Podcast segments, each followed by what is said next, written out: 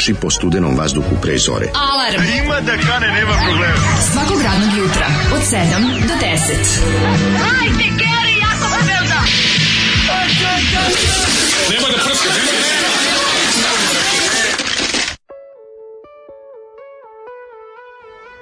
E, ponedeljak.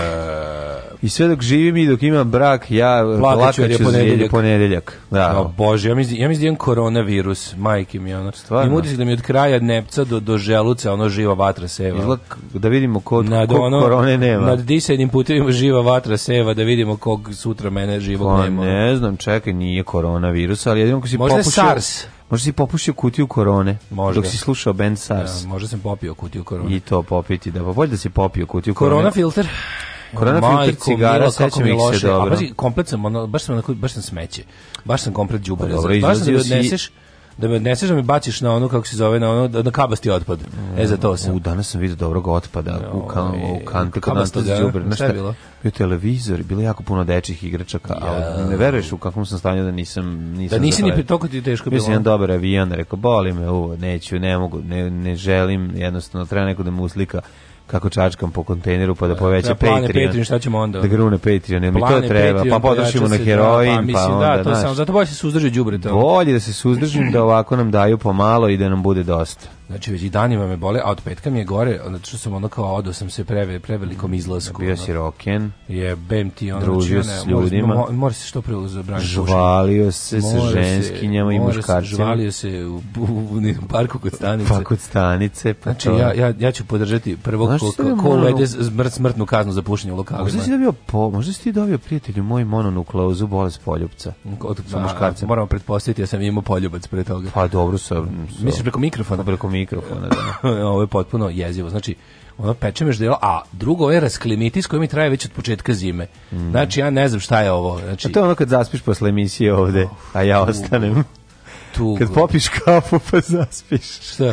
Ko student onaj. Jo, ja ti naprim kafu, ti popiješ, pa legneš da spavaš i onda posle toga se probudiš rasklima. Znači, da, bukvalno, ono, vidim ja nešto, znači, a što, e, sramotan da se žalim, ali ceo sam polupan. Znači, to je bukvalno da neseš na đubre. Tako se osjećam. Pa hoću bre, ja. hoću one bre osi. Mislim, nije fair, moje stanje u glavi nije jednako mom stanju u telu. Mm, to, to, se ja zove, 60, to se zove bliži se 40, što pa, bi rekla. Se, što bi rekla drugarice, le, drugarice, dru, drugari legende dolaze i 40. Stižu no, i 40. mila je, znači, da, da to ustati. A sve gore, sve je gore kad se ustaje u 6 ujutru.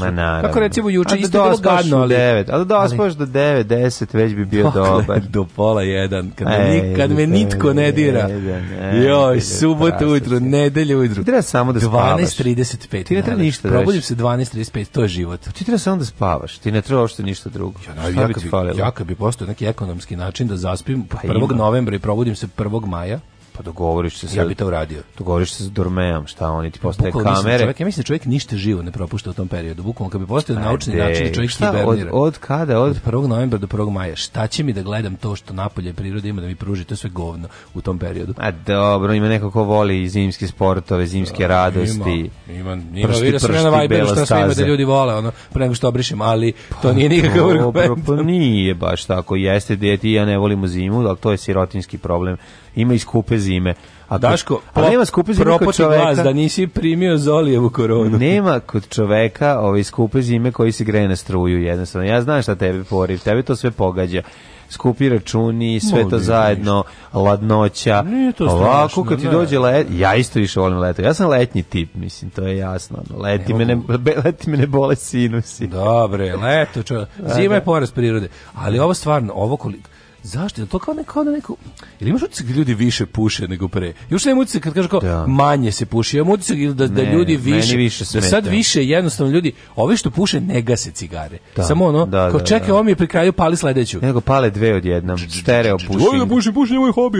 Pušim, pušim, pu, pu, pu, pu, pu, pu, Ali da, da, kao davno mi se nije dešao. Ima si petak i subotu. I petak i subotu provedemo u gasnim komorama, novosadskim. Ono. Pa dobro, pa bio si pasivni pušač. Ja, bio sam pasivni sve. Shvatio sam ja da je definitivno ovaj dilanski dim problem zato što popišem četiri mala piva, a probudio sam se sa ukusom pepeljare u ustima. Ne možeš ništa popiti. Što znači ništa. da je zapravo sam pasivno popušio jedno 10 cigara sigurno. Da. Ne znam kako to može, da li to može da se preračuna koliko, koliko prostori puši 100 ljudi, koliko ove ovaj, ovaj što ne puši. Koji najviše voliš da pasivno pušiš? Ja stanem pored nekog ko vošti Malboro. Pa to ti kažem, nisam ja nisam ja da. gde stojim pored da, ovih. No, be, da, da. Ja pasivno popušim ono posle, ama ima nisam ja pičku da pasivno pušim elektronsku cigaru. To cigaru. ti kažem, ono razumeš. Ne, nego baš uzimam, ovaj, stanem kod onog najvećeg frajera, najbogatijeg. Mislim, znaš kod, znaš da učeš pušim pasivno. Zamisliš ćeš? pasivno se nauko znači, na pušenje. Napraviti kurs za odvikavanje od pasivnog pušenja, kao teško je, znaš kao naviš je bilo nauku sam pasivno pušenje po kafanama i stojimo pa ono, da, da znači stojimo u pa dimu ono. to je jako dobro to bi bilo super da. kaže ovaj samo da poželim početak uh, srećan početak siropusne nedelje pa odok na posao jel danas siropusne cheese nedelje? release week a cheese release cheese release cheese week, week. release week cheese release week dobro mm -hmm. kaže nije bila Zolijeva nego Zokijeva izgleda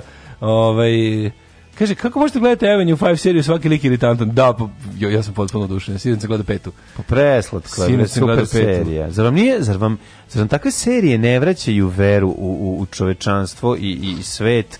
i da ne mora sve biti komercijalno, da opet može biti dobro. Meni se baš to sviđa, svi potpuno neprirodni, pa, mislim, svi su, ravno. svi su pa karikature. Pa, dobro, svi su glumci na kraju ne, kraja. svi su karikature, svi likovi su, ne služe da se, znaš on kao, ovo nije serija da ti kao služe da se vezuješ za likove. Jeste, ali još Ovo je satirove karikature.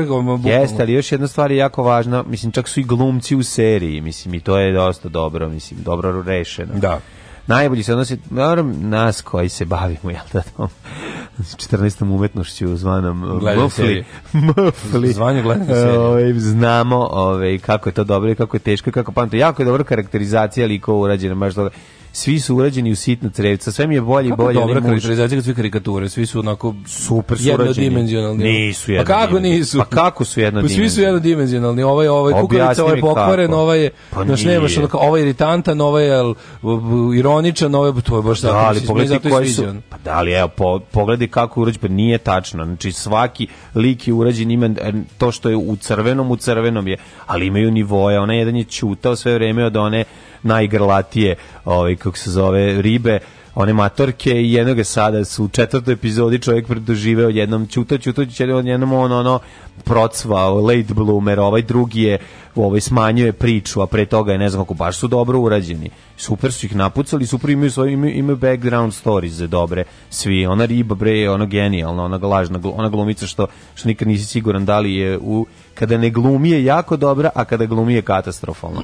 Sve to za to je bilo potrebno ozbiljno sedenje, ozbiljno pisanje i dobra sprednja, tako da meni to savršeno da urađeno. Dobro jutro, dragi moji, poželite mi sreću na novom poslu, danas mi je prvi dan, bit ću od vas do 8, a posle vi budite uz mene. Evo, ajde. novi posao i to se dešava. Ajde, ajde. Raste zaposlenost. Treba, rasla zaposlenost treba izaći na izbore u Šapcu. Ček, sad ću ja da izađem da prospem vodu za tobom. E, a uopšte ovaj, nismo za sreću. Uopšte nismo, izašli, nismo uopšte stigli da se osvrnemo na Zolijev jutrošnji izbor. Da grupu Cice Mace mm, i pesmu Klikeri koju je napisao Ljubivo Ršumović. Pa dobro, to je to fenomenalan bend, znaš da. kako su ove singlice, pa odlična. A, muzika, ako nije Bata ovaj Kovač na klavijaturama, nije niko. Znači, Vero ili ne, nije. Nije, a? Ne, kaže, ko, ko, konopac, nije tako skup, zoli, obesi se, nemoj biti glup. Mm -hmm. Kako ova pesma nije bila uvodna za film Sekula nevino optužen, zato što je nastala 10 godina ranije. Krti jebe mi mleko zarađeno, šta je ovo koji penis moj mekani? Mm -hmm. Alo, rem, ratel, kogod je nadležan, ono, ugasite ovo.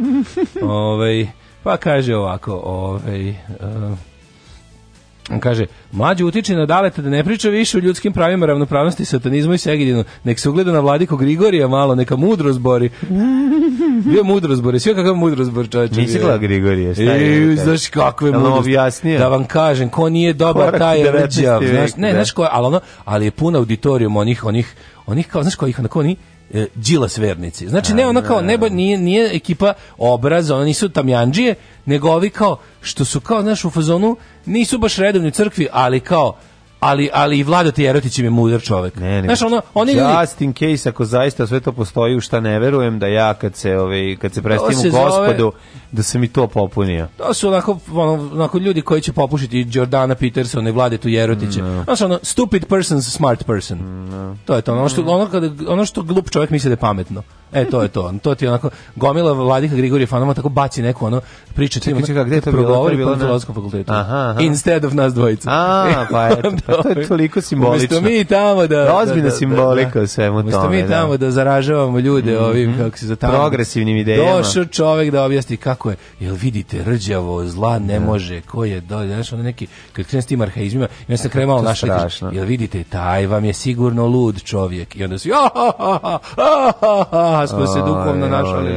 Znaš, baš je onako bilo smerom, onako, baš, baš smo se, sin, baš, smo se, baš smo se kanonski priznato nasmejali. E, to mi je jako važno da bude smer smerom. Ako je smerom, onda... Umereno, je jedna umerenost. Umerenost celog života. Da. da, da. A, I ovaj kažem s što treba umereno, ali nikome ne mhm. sluša. Mm -hmm. Ove, ovaj, e, kaže, ako niste odgledali Boška Bradovića kako objašnjava migransku krizu, obavezno vidjeti 8 minuta čiste komedije. Sve tu, ali to baš ne bukvalno... mogu ja to da gledam, to sve, me ne uznemirava. Ja, ako mislite na ono, ako mislite na ono sa sipanjem tečnosti, ono je, ono je baš Zadnji put je ono Rosenberg snimio pre da, nego. No, da, neću ja to da gledam. Znači, ono je propagandni video iz 38. u Nirnbergu snimljen. Kako, kako ono objašnje, kako smo mi, da. znaš, mi smo, mi smo, mi ovde, beli Srbi, Arijevci, da, da, da. mi smo čaša čiste, bistre vode, mm. a migranti su neki mutni sok koji onda ode kaže, pa, jednom kad se uspe, kao ne može više da se To mi je najbolje, to mi je super. A tvojih, a tvojih ono svaki dan ti ono 5000 ljudi ode odavde, isto su migranti ono. Jo, šta je sa tvojim ono prije? Boško. Šta je sa tvojim? Kako ono? ti se baba jebala s Turcima? Da, jo, da, Boško. Da, da, da.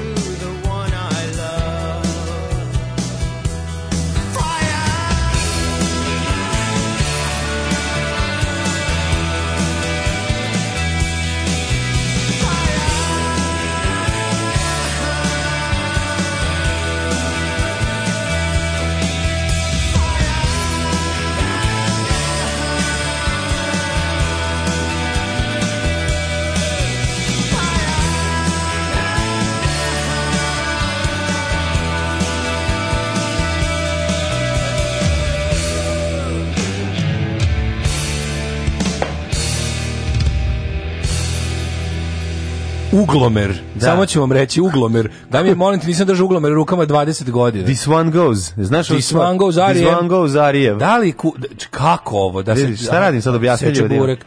Mlađe seče burek onako po dobrim uglom, držim da uglomer. Lako mu je da dobro iseče pošto radi uglomerom. Dobili smo uglomer. Da, mi molim te malo držim uglomer, da e, malo držim uglomer. Evo ti. Jo, ja, ja ne mogu da ja? ja ne mogu da verujem. Znači ja, Ovo je genijalno. Znači, ja ovo stvarno nisam video. Pa nisi vidio na 10 godina, garant, ako ne pa, više. Pa, da, Ma se ga Kad si zadnji put to pa, koristio? Pa, poslednji put pre 20 godina sam držao uglomer. Pa da, da, da. Ja da šta nisam dugo video rezbarski luk, a voleo sam. Jako sam voleo testerice iz rezbarskog luka. Rezbarik arč. Jedno od svega, od svega toga mi je, od svih tih stvari iz tehničkog. Kome, čekaj, ali rezao sam šestare. Mlađe, ne moguće. Znači, ja mislim da ona moja teorija da, da ljudi kažu da ovaj uredništvo kurira kaže zaposlenima da donese kući šta imate, onda, da poklanimo. Nije, nije, nije, nije, nego mora biti jeftinije u nabavnoj ceni od 5 dinara, onda stave. No, ali moguće da je neko proizveo 20, koliko već, kurir iz 30.000 uglomera. Pa kako nije? Jeste, a? Pa šta ti je bre, ona? Postoji neko napravi 30.000 uglomera. Imaju iz toj stare beogradski uglomer, uglomerdžijski prodavnice. Ja da, sam da, da. Znači, zavisi sad. Zanatske radnje. Kao sutra, kao sutra uglomir. Kako? Da, da. Sutra, sutra uglomir, sad, pazi, šta su poklanjali još? Šta je bilo? From the givers of, uh, kako se zove, ova, ono, za, za, za, rešetka za, ova, kako zvalo, rešetka za odvod? Rešetka za, plastika za, plastika za odvod, naokan, dlakoskup skupljač dlaka, dlaka da. Dug, skupljač dlaka sada ovaj uglomer sve zajedno to kad spojiš možeš nešto ćeš napraviti bilo je ovo ja, znači ovo čuvam pogrešno čuvam A da, to je za vađenje se. Ne, to je za da se zahefta kesica. Kako je ovo jadno, majko Lila. Sve je da jadno. Kako napravim izložbu, recimo kad da sam pametniji, da, da, da sam kupio svoje đubre da napravim izložbu kao ono. Da, da, da, da. nepotrebno smeće koje nam je kurir da, darovo over the year. To bi mogli da uradimo, da skupljamo iz novina na u jednom periodu. Da izgubiš uglomer. I da napravim. Ne, ne, da izgubiš uglomer. Hoću da napravim ugao posle. Ovaj. Hoću da bacim fazom kako sečem burak i škoj put, gledaj. Ja, ne tako smešno, znači. A ja mislim da realno bi mogao. Pa realno bi mogo, da, dosta da. oštro. Dosta oštro. Ako je burek svež, mogo bi komentno da isečeš. Ako je burek svežom, da. sa svežom, isprobao sa svežom. A, 24. je februar 2020. godine. Daško i ja smo sa vama i ovoga jutra. Mm -hmm. I ono što jeste, što bi ja želeo da pitam Daška, kako se osjećaš nakon kratkog ali slatkog nastupa u petak? A, to kao roken? Pa bio si malo roken. Pa bio sam baš malo roken. Jednu pesmu. Zabeleži. Jednu pesmu. Ali treba si pesma. Jedna pesma, jedna Svega je na pesma. Svega da. je na pesma o Turbo Negro, izvodite da. Daško izvodite Milinović. Daško Milinović. Pa uvek je lepo popet se nabinuti, znaš da mi koji smo bez band viđenji, da nam je svako penjanje na binu dragoceno. Tako je, naloži te, da se čovjek. Te, naloži ti radoznali pogledi, ti, ti lascivni pogledi devojaka, yes. ti koje nisam primetio i ovaj koji, mm, I tako da momaka. Da, više momaka. Ali eto, bude lepo je to kako nije. Tako da eto, još dva dana kasnije osjećam posledice tog, tog momenta. Tog blaze of gloria. Iskašljaš na zapadu kad se nastupa nema tih problema jer nema pušitbe unutar kluba. Da. Šta si radio u Suboticu, pa a zatim i u Nedeljicu? Pa vidi, jedno uještvo bez kraja. E. A ujakovalo Mogu da se. da se našalim sa ujo moj? Možeš uvijek. Da e, hvala puno. Imam još tačno nedelj dan da budem ujo. Ako si još išao možda na pecenje i upeca, uhvatio mene za, da. ja bi nastavio da se šalim pa, na taj Pa skoro da sam bio, bio sam dosta, dosta po štrandu sam bio. To, a, bio to je blizu. Štrandario si. Ali, bio sam štrandario šesim. Mislim, sad imam legitimaciju pa mogu. Legitimation. Moraš da mi je daš čoveče tamo da pokažem na ulazu, iako niko ne traže, pa ali ja bih pokazivao i svoju pokazivao. Ne šta, ti da kažem da... te ta kartica će ti vidjeti značajna kad ti se nešto desi na štrandu. Onda kad izvediš, onda dolazi pa ono što ja znam, recimo... Što može, nešto lepo kad mi se desi? Ili? Pa naravno, ili nešto loše. I onda misliš šta se dešava o, onda za tebe dolazi posebno štrandaroška policija. Da, da, da imam pravo na bolji tretman. Pa da. Izvodim to kao ono, naš kao kad si, ne znam, kao oni su davali krv imaju, ne znam, prednost pri ne znam čemu. Pa to ti kažem, nije bez no, veze, treba skočiš. ti kažem da ja mislim da ja mislim da sve ovako kljakav i klimav i, i, i nikakav zbog, zbog preteranog ovaj ujoštva to je to je jako teško, mislim. To, ajde još pričaj malo, ajde da pa šta je pa teško? Ja nalazim i dalje snage, ali ali uskoro ću umreti. E, ja, uskoro da, ću umreti zato što si ujak, Da. Znači, ali čekaj, ujak ti je kao neki ti si ujak, tebi se dete ne probudi u 3 ujutro da traži vode. Tačno. Pa onda ti ustaješ da mu doneseš Ali, vodu. Šta? Kad, kad, si, kad, kad čovjek roditelj, onda posle nekog vremena pa ne ideš, pronađe. Pa ne ustaneš u 6 ujutro. Da, ali ujak je više jahan od svih ostalih. To je ono sve što, sve što mama i tata ti ne daju, onda iskoristiš ujak kada ga iscediš maksimum. Pa dobro, ali ujak ima i tu sreću da Jeste, da može da, da kupiš da 16 čokolada, 18 da. ovoga što keva. I sreće da te ostavi posle mami. Ne kupuje, misli, kupiš sladoled i imaš 20 minuta, kupiš čokoladu 15 minuta, kupiš kinder ja imaš pola sata. Ti možeš da radiš šta god hoćeš, ti da. si jednostavno ti rešaš, jeste da trezo se iscimaš, i posao, a na kraju kada se nije normalno toliko vremena provoditi u eksterijeru u februaru, makar bio i ovakav februar. Čuti odlično. To biti po 8 sati na polju, majko mile da umreš. Onda. To je jako dobro. Da, pa ne znam baš. A zar ti nije malo ono to ponavljanje istih e, stvari, recimo penjanje na istu stvar, ispuštanje da, se stvari 90 da puta, zar ti nije da se ubijem bukvalno. Ali ne, zar ti ne pre, ne pređe tu neku zanimljivu mantru? Meni to postaje kao ono Znaš, hare Krišna, hare, hare, hare, hare, rama, hare, hare i onda uđem u, u tu I onda onako malo me kao... Ja bih tako volao. Kao da, di, kao da, da, da, da dišeš benzin. Razumijem šta ti se kažeš i to je super da. što, što to možeš. Pa ja da. najviše na svetu mrzim ponavljanje. Znači ja, ja ne mogu ništa stalno isto. Znači to mene toliko nervira. Što onda ustaješ stalno, pa, dolaziš ovdje? Zato i patim naj, mm, nenormalnije. A, okay. Znači to mi je ono najveć, kad bi to sredio, kad bi nekako sredio da, da, ovo, da ovo nije u šestu, Možemo bi savršen život. Možemo drugi, u drugi sat Da, I da ljudi nemaju pojma i da bude zanimljivo da slova po ovoj. Sutra počinjemo u 6, 7, prek sutra pa u 8. Pa to je isto razlog zbog kog nikad više nisam mogu se bavim sportom, što je dosadno stalno je isto, razumiješ? Nije pa isto. Nije, stalno je isto tebi, zašto isto, ne možeš da naučiš? Isto. Isto. Nije isto, nego ne možeš da nego pa kako može biti isto? Da. Tri put promašiš, pa četvrti tu, put ubaciš. Pa ja uvek promašim. Pa to ti kažem, to je isto. Nisi, u pa, slučaju još istije nego zato, zato što si odustao. Da kaže, da li si poklonio Maramu nekoj polu alternativki na kraju koncerta? Ah, Maramu. Pa mm -hmm. vi ne, naravno, to, na, na to... A Znojevi Gornjak? Gojavi Znornjak. Da, da. da. Ja, kaže, ako ćete sakupljati nepotrebno smeće iz kurira, sakupljajte naslovne. Mhm, Ove, ovaj, Hvala. Da. Pa kaže, evo, pa uz decu ćete sve to opet raditi i meriti uglove i pisati sastave raspustu i rezbariti i testerisati Slatko, neko svoju, neko uz mađarsku decu. Mm da li ti je Daško nastavnica muzičkog u Kostinoj puštala, da li ti je nastavnica muzičkog u Kostinoj puštala Wind of Change i kao ceo razred spava kao relaksacija neka? Ja sam izgleda ovaj, malo stariji od osobe koja je mhm. opisala, jer u moje vrijeme gospođa Ljiljana Toholjević koja mi je predavala muzičko, mm -hmm. nije verovala da postoji muzika nakon 1853. Mm, da, da. Tako da za nju, za nju je već Kornelije Stanković bio drekavac. Mi smo kod Dude bre slušali Pistolse, ovaj. mi smo kod Dude slušali, ono u da. osmom razredu imaš kao slušanje popularne muzike. Bila je zapravo i kod ali to je samo Dilana, jednog i tada. Pa to je pa dobro, samo jedan danas. To je, to je bukvalno dva časa bilo. Jedan. I na kraju kao ko će da donese svoje kasete da, i onda kao... To je bilo jedan čas u osmom. Pa dobro, to smo Kada je čak i uz, udžbeniku za muzičko piša, pisalo pa da. da. su grupe Sex Pistols, Damnid i Clash. Clash, je to pisalo? Da.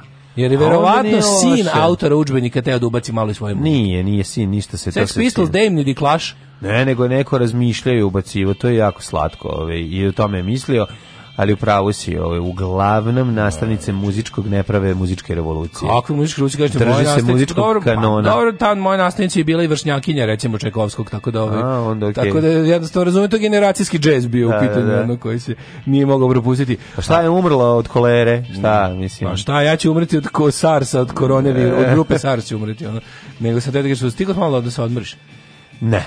Ne, ništa, ne, druženje, rođaci, prijatelji. Subotu sestra Slava rođe u našoj omljenoj kafani. U subotu meni došli moji ovi, prijatelji, kumašini mi se zove. Je, pa sludilo, malo ludilo, ne, s kumom, da. S kumom. Pa smo onda posle toga u, subo, u nedelju drugi rođaci i nema tu dok se prikazuje dijete malo dok to sve prođe. To je prijatelji moji, dok je A, nedelja uveče došla. deteta.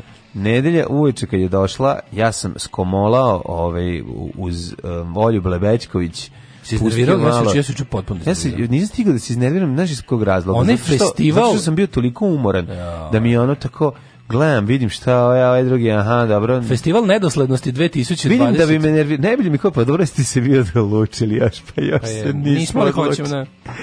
Ajoj, koliko. Pa da, pa ne, mislim, mi u stvari hoćemo, ali ajde, za slučaj da se ovo desi. Ne, ne, ne, najbolje, najbolje. Da ja, ja kao član demokratske stranke ću da sačekam šta to, stranka odluči, to. a onda kad mi kažeš dođi do da onim suprotno. Da, a onda ću da se ono, da. Pa onda to je, naravno da se ocepim iz demokratske da, stranke. Mislim, Pošto demokratska stranka služi da izađeš iz nje. Naravno. Ono je bukvalno exit modul. Ono. Mislim, to nije daleko od istine. Pa da, evo, demokratska stranka služi da iz nje izađeš, ono, bukvalno.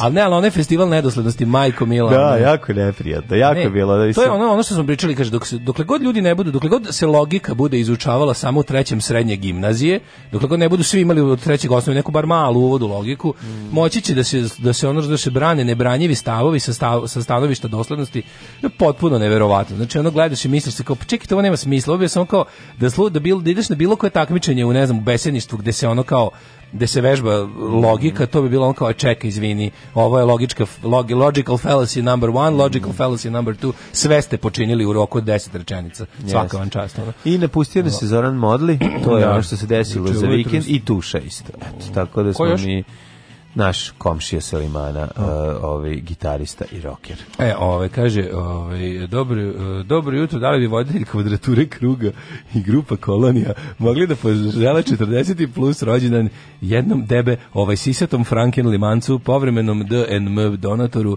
i poznaniku srpskog naroda.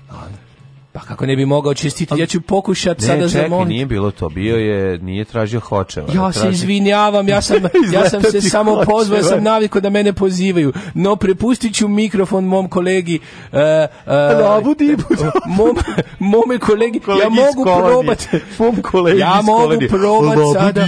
Ja sad mogu probat kao hočevar vodit e, kvadraturu kruga. Ajde. Samo još dodat ovako da govorim. Ne, sad si prešao ono ti bušilo le red da lovilo riba, nemoj to raditi, ajde. Zato što ja postajem bratstvo manastira Grkovića. ajde sad malo. O, o 40. rođendana dočekuješ u atmosferi uh, opštene maštine na Pešterskoj visoravni. A zato tu je moja prijateljica, kako se zove, Ira, Ida, kako se zove? Ira, Ira, ja mislim Jeste. da je Ira. Ti dabu, ti dabu, dibu, da, srećan ti, rođen da, ti dabu, dibu, da, neću ti da. oprostiti, ti dabu, da dibu, da. da. Mogu bi nas pozvati na sedmice sa šuškama. E, baš će ti to glavu spasiti. Gubi se tamo. Alarm sa mlađom i Daškom.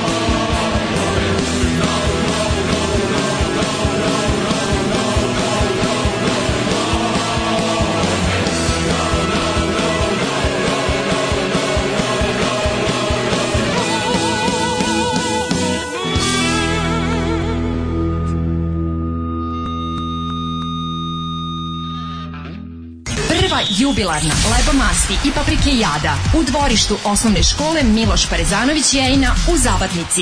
Isključite se sa deonice autoputa Kloganj Sivilo kod Šmeglja i pravo putem za Mučenicu. Čekamo vas! Čekamo vas! Mmm!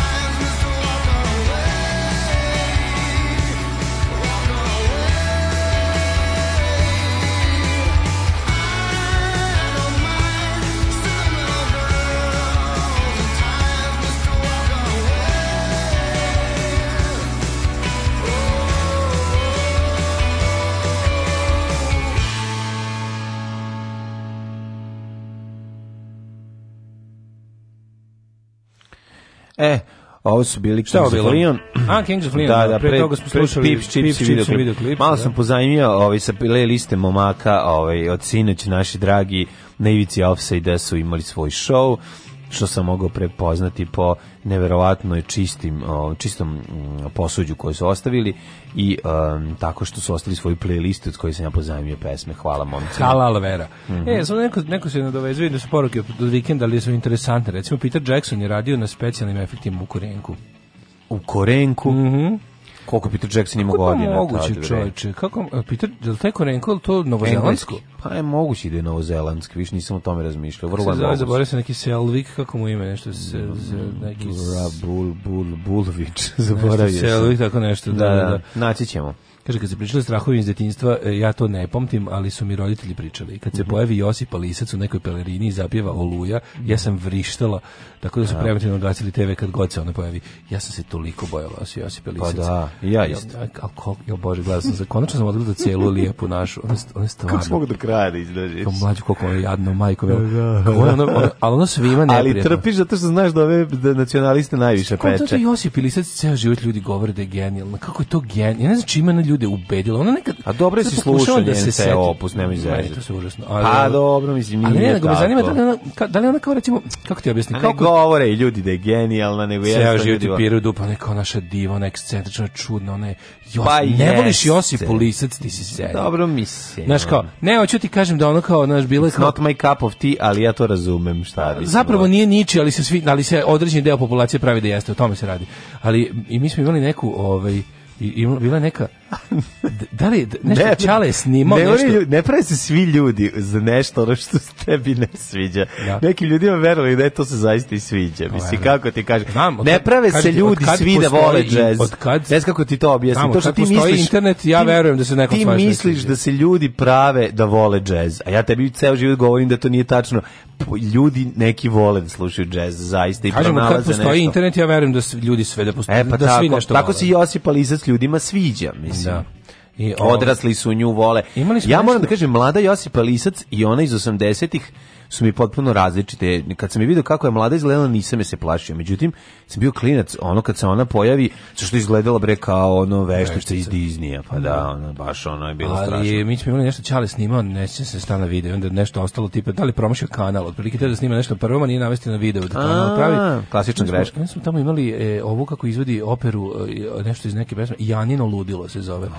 A to posle pa drugarice doživljavaš da- sad svaki dan. Da, Janino ludilo. E, Janino ludilo dok je ovaj dok je majko Milo nekoj emisiji, mislim da to čak može bio tebe Novi Sad. Da strašno. Jebem ti život. Znači evo sad, ja sad znam kako to ide, zato što posle mi je drugarica rekla da su oni imali tu ploču i da se toga jako plašila. A, da. I onda smo nešto tipa zajedno to ona i ja poslušali i bilo kao do da, jebote u pičku, gasi ovo. A, je, je, bilo ono kao nemu, da. Kao, ja se setio snimka, ona se setila otprilike kako je, ona bila sama kad kući pa malo da pusti ploču pa, pa se uplašila, ono, pa, pa iz, pošto nije znala da ugasi izašla iz prostorije. Otišla dok ne, dok ne prođe, dok ne prođe ploča. Otišla kod komšije. Jezivo. Kaže, ovaj ali je mislim najsmešnije od svega je jel da ovaj desničar u koji koji ovaj, da, je pa tuži naravno. za to, e pa znači puštao bi im svaki dan ovaj do kraja sveta o, njeno izvođenje himne. E, kaže, bravo, konačno neko da to naglas kaže. Treća sezona Korenka snimana na Novom Zelandu. A, tu je znači, e, dobro. dobro. E, jeste videli najbolju vesti, uče se vidio onaj čuveni ravnozemljaš, onaj što čak ima i nekoj televizijskoj emisiji. Sećam se, pa sad kad mu nije pro, proš, uspeo prošli, je sad je poginuo. Sad je poginuo. Da, da, kakva tuga, ono. To je... Ali objašnjenje ljudima, i objašnjenje je, u jednoj poruci pozdrav, sam vidio, pozdrav, pozdrav legendu. Neodustajanje i pored svega Kao to, ja kao to cenimo. Ne, kao cenimo, jer kao ne mogu ljudi iskustveno da vide to i onda je potpuno razumljivo zašto, po, zašto preduzimaju ovakve eksperimente. Da. Znaš pa nije razumljivo. Zašto bi bilo razumljivo? Znaš, ono, to je, i onda mlađe, kreće, to je ludačka. Svak, pa to je kretenska new age filozofija tipa mm, da. svačije. Znaš, kao, oni su pobrkali od svako ima pravo mm, na svoje mišljenje dok da. svačije mišljenje jednako vredno. Uredno, da, da, da. Naravno da nije, mm, da, ste vi normalni. Znači, to da svako ima pravo na svoje mišljenje. Da, zbog toga postoji sloboda veroispovesti. Ljudi imaju pravo da budu debili ceo život.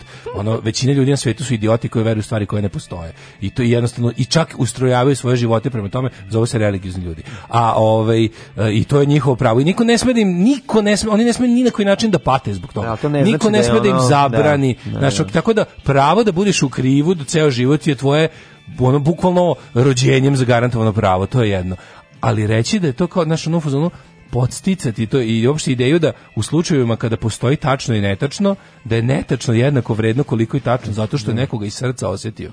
Pa to je najidiotski nešto na svetu.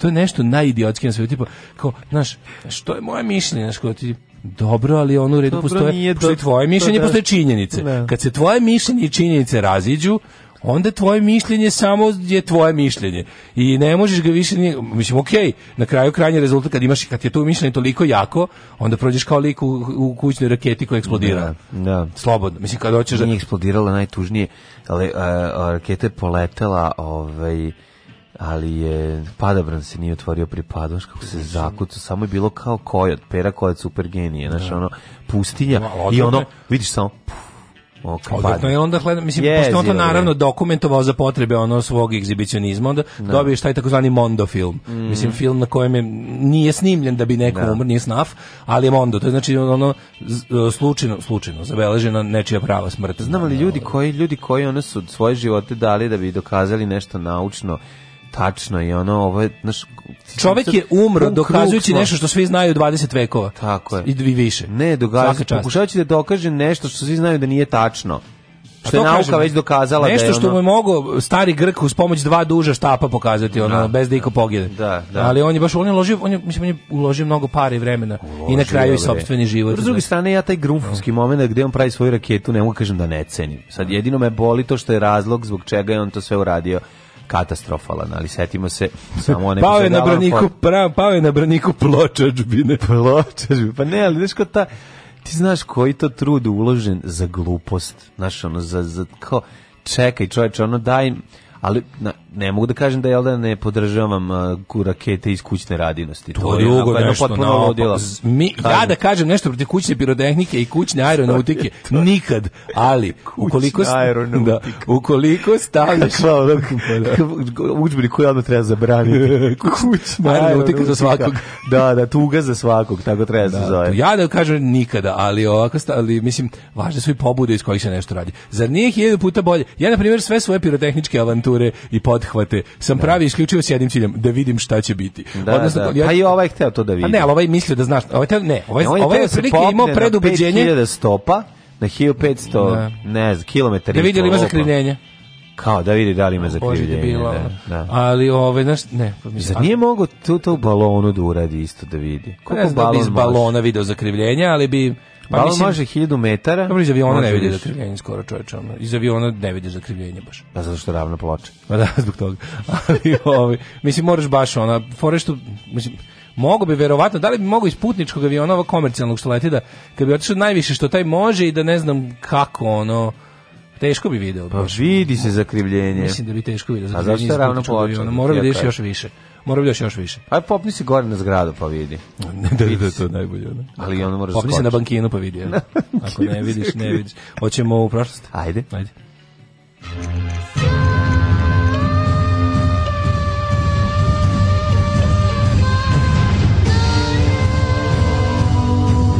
Dogodilo se na današnji dan strašno je kad takvi ljudi ovaj svoje vreme tako veliko svoje vreme ovaj e, dragoceno ovaj troše na takve neke gluposti znači to je kako bi sad ponovo dokazivao da postoji krvotok naš ispočetka ispočetka iako znaš da postoji mislim znaš da su to, ovi ovi antivakseri su da. bila to je nešto jako brzo to je, to je bilo baš krenulo da se širi odjednom ali me, kao da potrebalo mesec dana možda su bili u fazonu ovi malo ovi ovi antivakseri koji od toga zarađuju, koji su već napravili ozbiljan biznis od toga, su rekli ovima kao, e, kao ne preludujte baš jako, jer je krenulo da. kao tipa da ono teorija klicanja, kao pa, jam theory, to, to da, i to ne postoji, da, da, da. Pa nažalost to ide obično od znaš kod nedostatka konvencionalnog obrazovanja plus ovaj onda ljudi uzimaju sebi ja više knjige mogu da koje ono oni žele, pa onda kreću da prave svoje teorije i varijante bez toga da mislim znaš to je jako strašno. stvar. Ali koliko je teško taj nivo neznanja dostići u 2020. Da. godine. To nešto za čak više što ne možeš da u, nije, u školu. Ono, ali to, to ćete to na znanje ćete ali pronaći. Ali veruj mi da i nije. Da. Znaš, kad uzmeš samo kad recimo nemaš obrazovanje formalno i ti ti na to uzmeš na takriš jednu knjigu koja baš drugar, pogrešna. Drugar piše tekst, pa onda kreneš da tražiš, da čačkaš dalje. Znaš šta je drugar? Znači, ovaj drugar je uzeo novi računar sa svežom IP adresom mm -hmm. i on očit kao nov bez historije bez i krenuo je da krenuo je samo krenuo je pogrešno. Krenuo je napravio novi Facebook profil i krenuo da traži ono kao Brexit immigrants. Znači to je, to je potpuno drugi internet. Pa, to znaš kaj. Potpuno drugi internet. Kažeš YouTube, možeš, YouTube kreš, mu izbacuje skre, samo ludaka. Skreneš u stramputicu i ide samo dobro. Samo kreneš, pa je samo u jednom trenutku, mislim, lakše je kad ti je komp čisti, kad ti da. je ono IP adresa ne, ono, ne, ne ali kada, i kada imaš novi Facebook nalog da. koji nije vezan. Znači, napravi novi mail, na njega napravi novi Facebook, kao pojavi se kao nov i u kucu, ne znam, Brexit, immigrants, znaš, ono, world government, tako te neke gluposti, ono što, conspiracy, ne može, znaš kako ga algaritam uhvatio, znači, pa da. samo ludilo. Samo, samo, samo sipaju. Znaš šta dobije, samo mu stižu ove, znaš koliko dobije, kaže, ubedljivo nevjerovatno koliko uložu, kaže, dobijem od domaće, od, kad mi je, kao pošto ga ovaj nudi mu svetsko to belosvetsko mhm. mm -hmm. smeće, a od domaćeg mu nudi samo otačbina 011 streetwear. Znači Naravno. Pa da. samo ove desničarsku garderobu. Pa naravno, pa, da. Tog ti kaže toga dobija koliko hoćeš pa, onako. se ko šta voli. Ovi verovatno kada kupluje, da. zakupljuju da te oglase e, stavljaju keywords. Onda sad kad sam se da ne vakcinisao i odbranio Kosovo, to, sad, sad, da se odenem, da, se odenem. Da se odenem u stare Slovene, stare, da, da, ono, da, da, da, tako da, te gluposti. Ono. Znači, dolazi, znači, znači, šta sve postoji? Kaže, za nedelju dana mi je stiglo 40 robnih marka. Primenjeni nacionalizam se zove marka. No, rob. divno. Onda ima neki princip, pa onda, ali princip to onda kako ga oni zamišljaju. Da, kao princip koji se borio za Veliku Srbiju. Protiv Jugoslavije. Da, da, da, neki, ne, princip bez Jugoslovenstva. Princip, da, da, da, da. princip bez Jugoslovenstva. Pa onda ima neka... Uh, ovaj e, neko rodoverje. Rodoverje odeće jebote. sad ono. Da, da, da, da, onda ima ono nešto tipa kako se zove sledeće, srpstvo, pa srpstvo, dve različite marke, ima srpstvo i srpstvo. Oh. To je znači ono, znači, ono, jedan čovek i jedno sito. I to je dosta za štampanje. Ono. I svi imaju, tu su, znaš, ovaj čovječ, o, znači da ono otačbina streetwear, to, ono, to, je, to je milijonska firma, ono, to je, to je ozbiljan profit to streetwear, oni su ono baš. To je to i navijačka garderoba. Kad si recimo zvanično tipa, no. ne da. znam, ono kao kad napraviš da si za zvanično tipa kad imaš taj onaj delije.net shop ili mm -hmm. grobarski, ono ne znam. Gde li je sever? To su to, to su ono, to su neverovatne pare ono. Daško, 24. februar mm -hmm. je 50. Mhm. dan godine, do kraja godine ostaješ 310 dana. Da. Pa mi nešto pa na pamet sada, o, eto, ovog ponedeljka da pitam nešto tebe, mu što do sada mhm. nisam, mm -hmm. a ti vidi, ti to možda i preuranjeno. Gde ćeš za mhm. Novaka? Za Novaka ću da idem... Đukovića. Ići ću u Novi Zeland. Ići ću Ići ću u Novi Zeland u mesto koje se zove Wellington, glavni grad Novog Zelanda.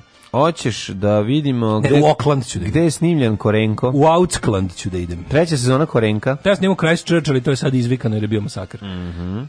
uh, događaj na današnji dan kod mene počinju 303. godinom. Dioklecijan izdao svoj edikt kojim je počeo progon hrišćanja u njegovom delu rimskog carstva. Ne, ovdje piše da je to galeriju su radio. Da kaže Dio do, da. Dokolencijan. Da nije to možda isti Dioklecijan, pa ne, možda bio Galerius. Da nije Galerius Dioklecijanus. 1389. Mm -hmm. Danci u bici kod Folkepinga porazili mhm. Šveđane i zarobili njihovog kralja Alberta, mm -hmm. posle čega je danska kraljica Margareta I postala vladar danske Švedske. Jes, pa to je njihova kosako bitka, smo rekli, znači za zarobljenje švedski, zarobili kralja Alberta. 30 godine, čoveč. Da, da, da, ocekli mu glavu.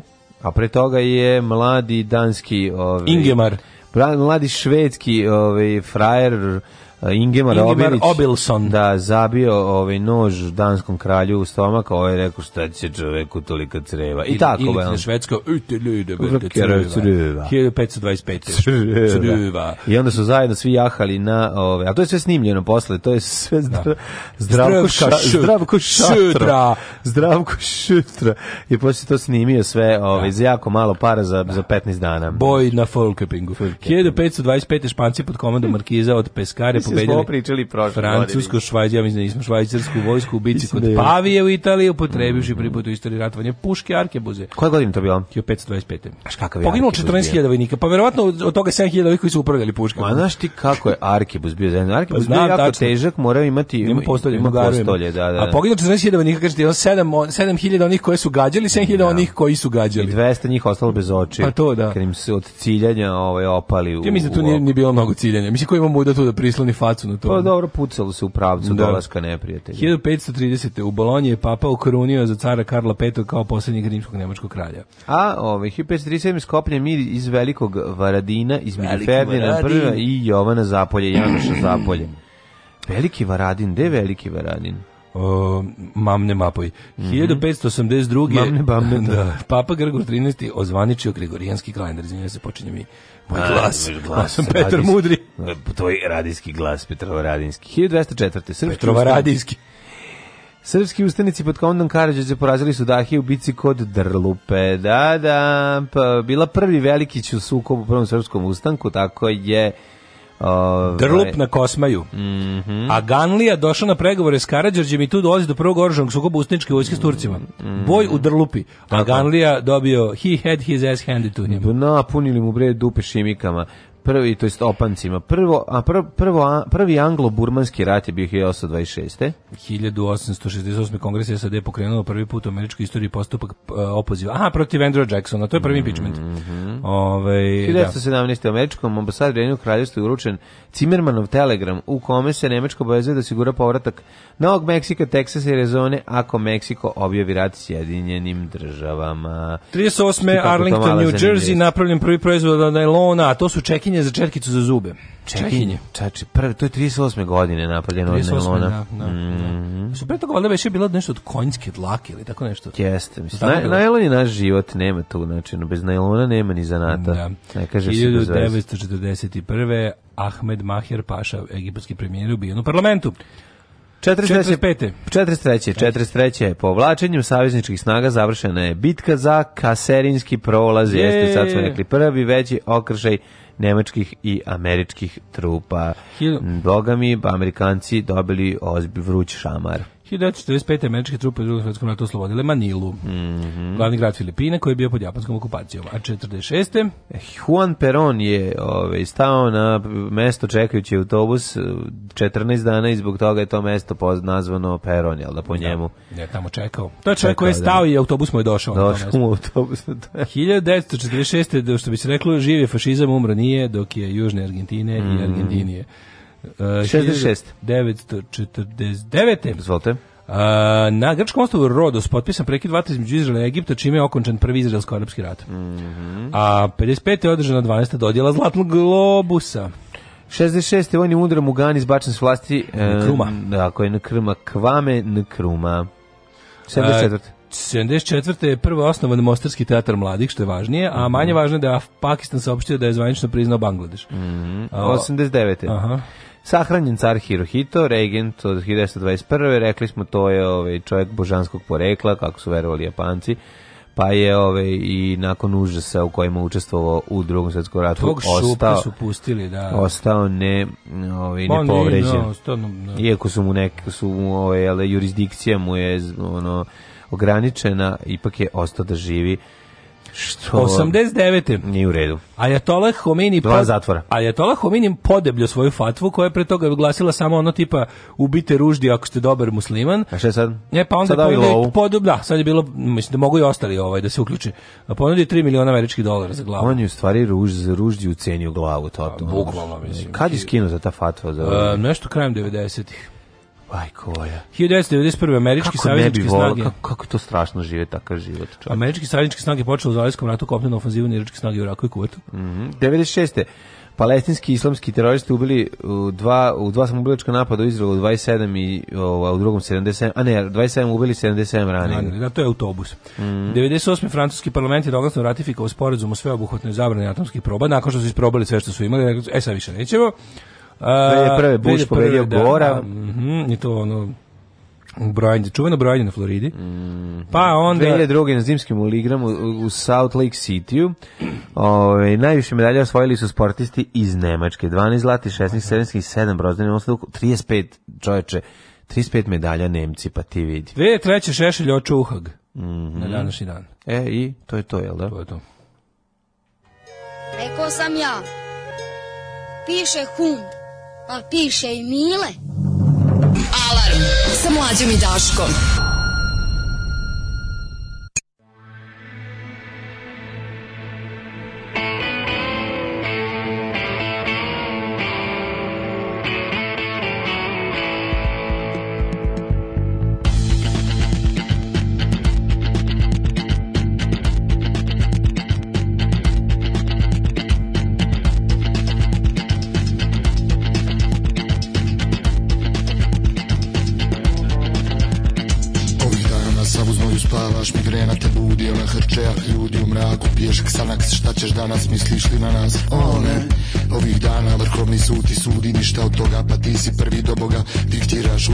više kliše, bit će kiše, opet migrena Ovih dana raskol u stranci za naslovnicu Loži ona za naivnu rulju, bureks i rulju Meso na žaru za zatvorenih vrata Neće, hoće, hoće, neće biti rata Nismo matični brojevi, brojevi računa Poluprazni kontejneri, ščupane klupe Nas nema i nikad nas nije ni bilo Samo ti se snilo mi smo matični brojevi, brojevi računa, poluprazni kontejneri, ščupane klupe nas nema i nikad nas nije ni bilo, samo ti se snilo. Ovih dana odluka je pala u prvom krugu Izglasano budala, hvala mi hvala Povjerenje, prosperitet, poštenje Poješćemo drago kamenje, snake Tavaši žena, čeri kurtizana Ovih dana gladi bijesni jedni na druge Na sebe zbog vas, zbog tebe, zbog svih poltrona Kurtona, mediokriteta, mi smo šupak svijeta Nikad više 90-a, 95-a Konopac je spreman, sadit će se grana Ovih dana Nismo matični brojevi, brojevi računa Poluprazni kontejneri, ščuvane puna Nikad nas nema i nikad nas nije ni bilo Samo ti se snilo Mi smo matični brojevi, brojevi računa Poluprazni kontejneri, ščuvane klupe Nas nema i nikad nas nije ni bilo Samo ti se snilo ali ste obična bagra skoca i konopca Da nije bilo rata ne bi imali za graha Hranite ekstreme da zaustave vrijeme Da i djeca budu sluge mržnje gluposti i straha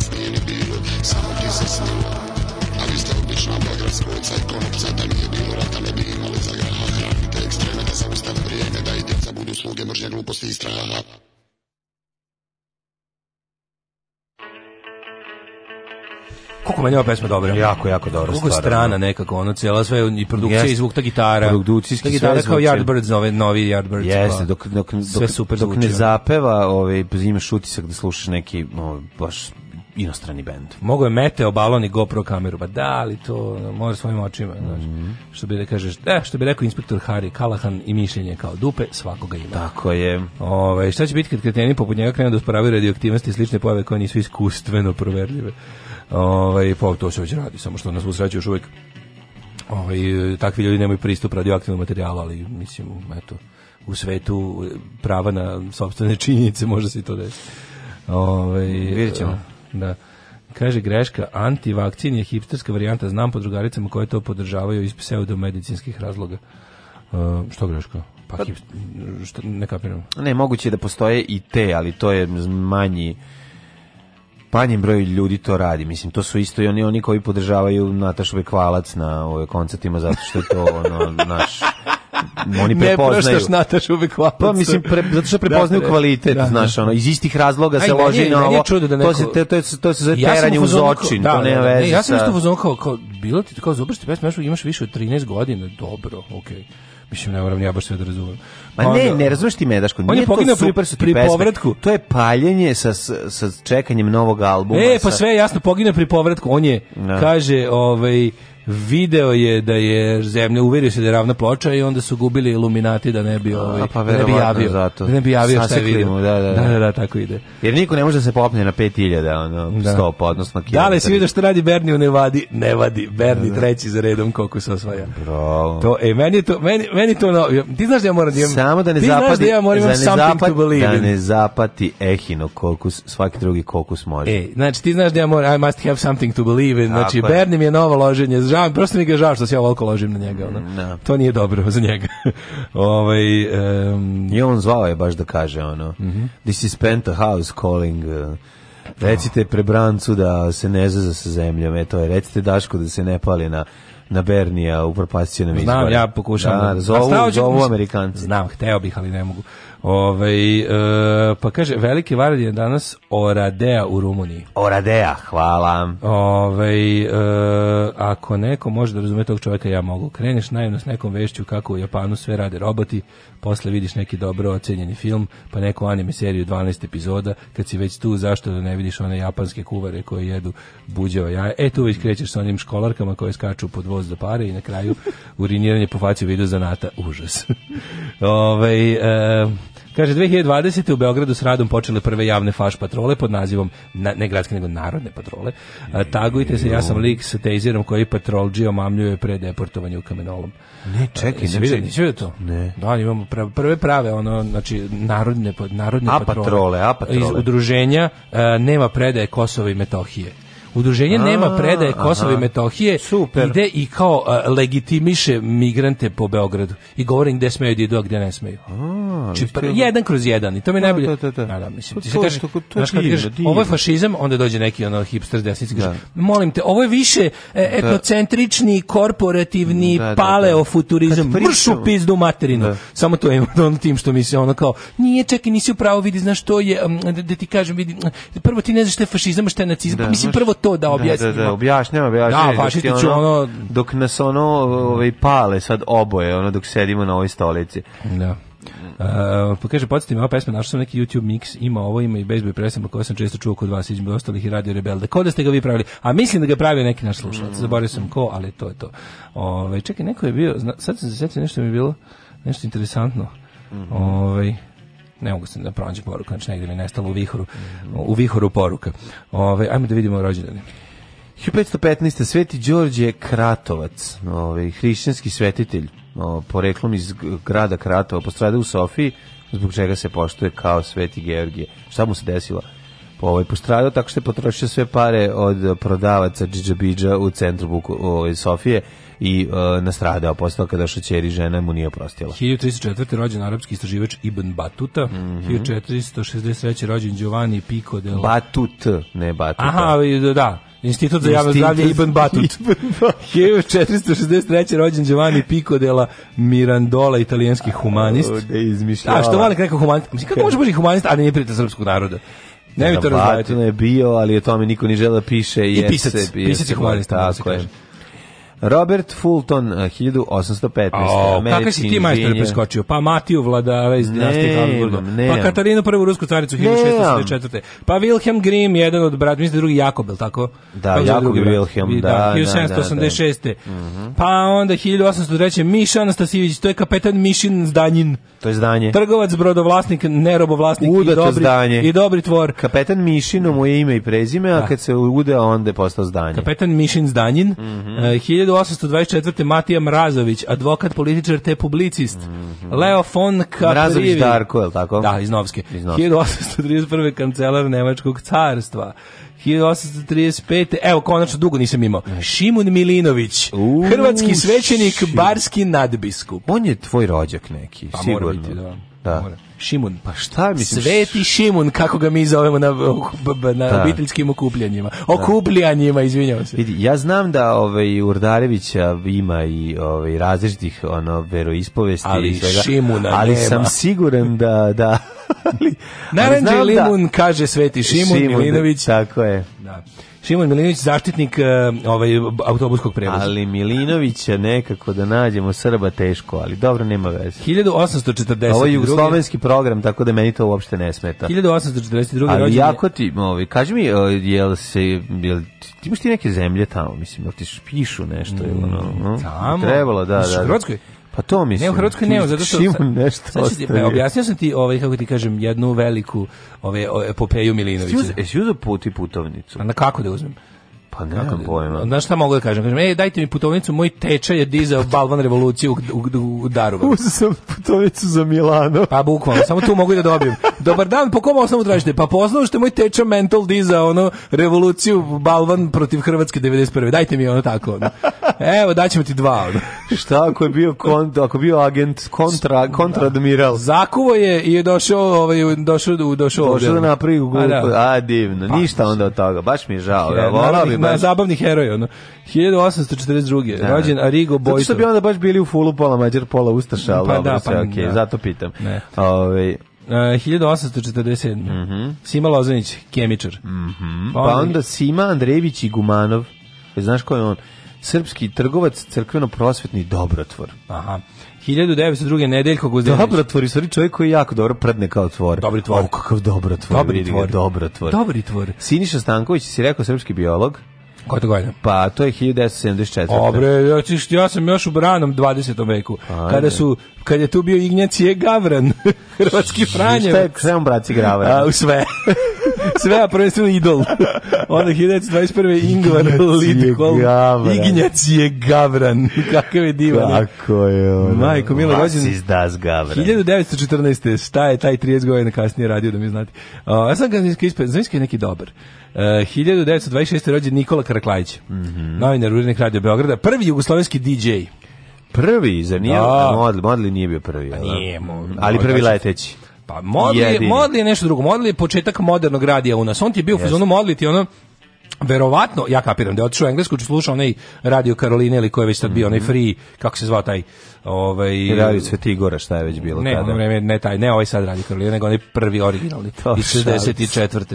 I onda je ti ti takozvani rad piratski radi koji su se emitovali sa da, brodom, da, da. tamo na ivici ove voda ovaj britanskih bi emitovali i onda bi ovaj mislim da je Modli pre nešto pričao da on kao mm -hmm. tipa otišao tamo i čuo modern rock pop rock radio mm -hmm. i onda on kao teo to ovde pa i uspeo. Uh, pa onda ovako... 74. Siniša Stanković, to sam rekao, biolog, jel imaš ti još mhm. nekog?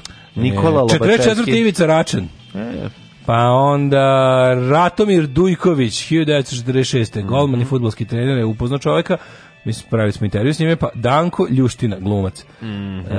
e, pa, Alessandro Pertini, ove, 1990. To je onaj vlastik ih, ovih... Si rekao Alan Prost? Pertini igrač, nisam, nema. 55. Alan Prost. 55. Alan Prost. Da. 55. Steve Jobs. Mm -hmm. Nisi ni to imao? Pa, kao, pa ja sam plakao kao kad je umro Broz kad nas je napustio Steve Jobs. Uh, 1961. rođen. Ištem. Stabilan sistem. Stabilan sistem. 61. rođen Stojan Matavolj. Mm -hmm. uh, Bobby Moore. 1923. Bob preminuo. Čekaj, Čekaj Krinović na premineo. A ne, ti tek, tek rođendani pa sada. Pa ja rođendani čitam. A zato mi sam i pogrešio, ne poklapa mi se. Pa ja neverovatno, propustio ja si. Ja sam preminući. Kako, prijatelj moj, kad je sad... Da, da, da, da, ja sam... Rođen je William George Zane mlađi, pa Karči mm. Holec, slovenački Ej, pisac. Ej, Nedeljko Gvozdenović, pa srpski slikar. Da, to, ne, to se sve prosti živ zdrav, pa Perica da, Mljenović, da. Pa Goran Staki, Stojanović. Čekaj, čekaj, mladi Perica Ognjenović, ne možemo tek preko preko njega tako budem pa reći. pa mladi Perica Ognjenović. Ajde, utakmica je bila pu, puna tempa, tempa dali smo tri gola. iz tri polu gola. Vojvodina je dala tri gola iz tri polu šanse. Hoćeš prvo čekaj, hoćeš, hoćeš prvi intervju Perica Ognjenovića. Ajde, ajde. Pa ja nekako, ja sam iz, da kažem, dolazim iz, ja dolazim iz malog mesta, mi slušamo narodnu muziku, a, sam, a sada Perica Ognjenović godinu dana ajde, kasnije. Može. Pa, Ja sam sebe pronašao u regemu. U regemu. Meni je to jako drago bilo. yes. Ja volim kad vidim uh, kulturni napredak, kulturološki napredak u čovjeka. da, šta je vivo. bilo s Pericom Ugnjenovićem? On je nešto krenuo hrabro sa klupe ovaj, da ustaje, međutim nisu ga pustili da zaigra. Ne znam, 1810. umro je Henry Cavendish. Jer taj je mm -hmm. otkrio Bešik i Ne znam. E, aha, mislim, kako su ljudi prije toga disali, to još niko ne zna. Pa ovaj, Klara Kukalova, češka teniserka. Pa čekaj ovako. Kukalova, Robert Lejoj Fulton, Majkova. Lobačevski, 1856. Siman Drević i Gumanov, Siniša Stanković, to ste ti sve mhm. čitao pa onda Vjekoslav Štefanić, filolog 1975. Nebojša Kosović. Tennessee Williams 83. Mm -hmm. uh, Jure Kaštelan, kako Jure Kaštelan najveća faca, majko mila kako faca. Jure 1990. Kaštelan. Jure Kaštelan, ja bi sada otovo. Ne bi pojeo, ne bi pojeo Kaštelane. Tifusari, koja se završava pes stihom i u smrti i u smrti i u smrti mi smo partizani. Da li bi ti prijatelji moji pojeo ove, ovaj, sa kaštelanima nešto? Kako ne bi? Pljukavca, pljukavca sa kaštelanima. kako ne bi, jednu potrebu pljukavaca sa kaštelanima. 2003. Inače originalno je pljukanzi sa kaneštelima, ali je ali naš drugar to zapamtio kao pljukavci sa ali kaštelanima. Što A meni je onako da za kaštelan pa ih pravi i izbacuje iz usta. A kaštelan ti zvuči kao neki ukrštena riba i pelikan. Nije bre kaštelan, je ono neki Šta ono, to mi neki grbavi sluga u zamku. Ne, pa kaštelan je životinja. nije meni. Nije ti kaštelan recimo neka meni ptica. Je, ne, ne, ne, ja zamislim kaštelan kao neku ribu koja ima kesu od pingvi od, od ovoga od kaštelan. Pelikana. Meni je kaštelan ovaj crkvenjak. To mi je. Aha, to kao kapelan zvuči. Pa zapravo. tako je, ali ne, kao, pa kao, bi, pa je... Kad pa, bi rekao, da bi mi neko rekao a u zamku kao u kastelu, pa kao... Da ti sad nacrtam kaštelana, nacrtam bi kao neku kao, da. ribu da. sa krilima, ono, Aha. koja ima kesu od pelikana. tu ribu. Umro Alberto Sordi. Kesu dva dinara. 2003. da... Uh, Slavko Štrigl, slikar mm -hmm. 2014. I to bi bilo mm -hmm. to. Gde mhm. pički stigao, Slavko Štrigl? Slavko Štrigl. Ima toplo vode, ima. Fino.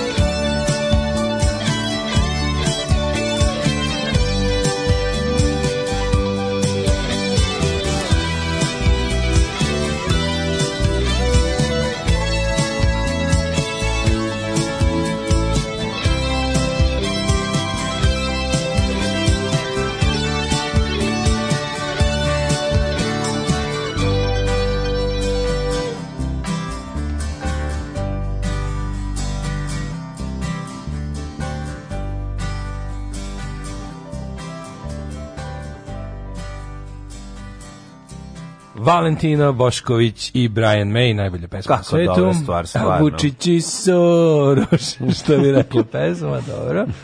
Ove, um, pa kaže ovako. A, zašto druženje koje nosi ime na Kosovo i Metohiju ne ode na Kosovo i Metohiju da tamo legitimiše? Ju, posto sam idite na Kosovo lik. Ne, pa ovo je mm. logično pitanje, nije to ništa, da. mislim, to je jednostavno tako kad se, kad jednostavno kažeš, mislim, malo je čudno da sad pronađeš dru, udruženje ribolovaca Šaran kako puca na vepra. Da čudno je, ne moraš da budeš, ne moraš da se slažeš sa ribolovaštvom, da sa ribolovom da bi ovaj da bi to primetio. Kaže ovaj ako Mađarska daje utlevel po osnovu da je Čukumbaba rođena na nekadašnjoj teritoriji carevine koja ne postoji, zašto Hrvatski ili Slovenije ne daju po osnovu da sam rođen na teritoriji SFRJ? Zato što nemaju ove ovaj, imperijalne pretenzije kao Orbanova Mađarska na okolinu, na svu sreću.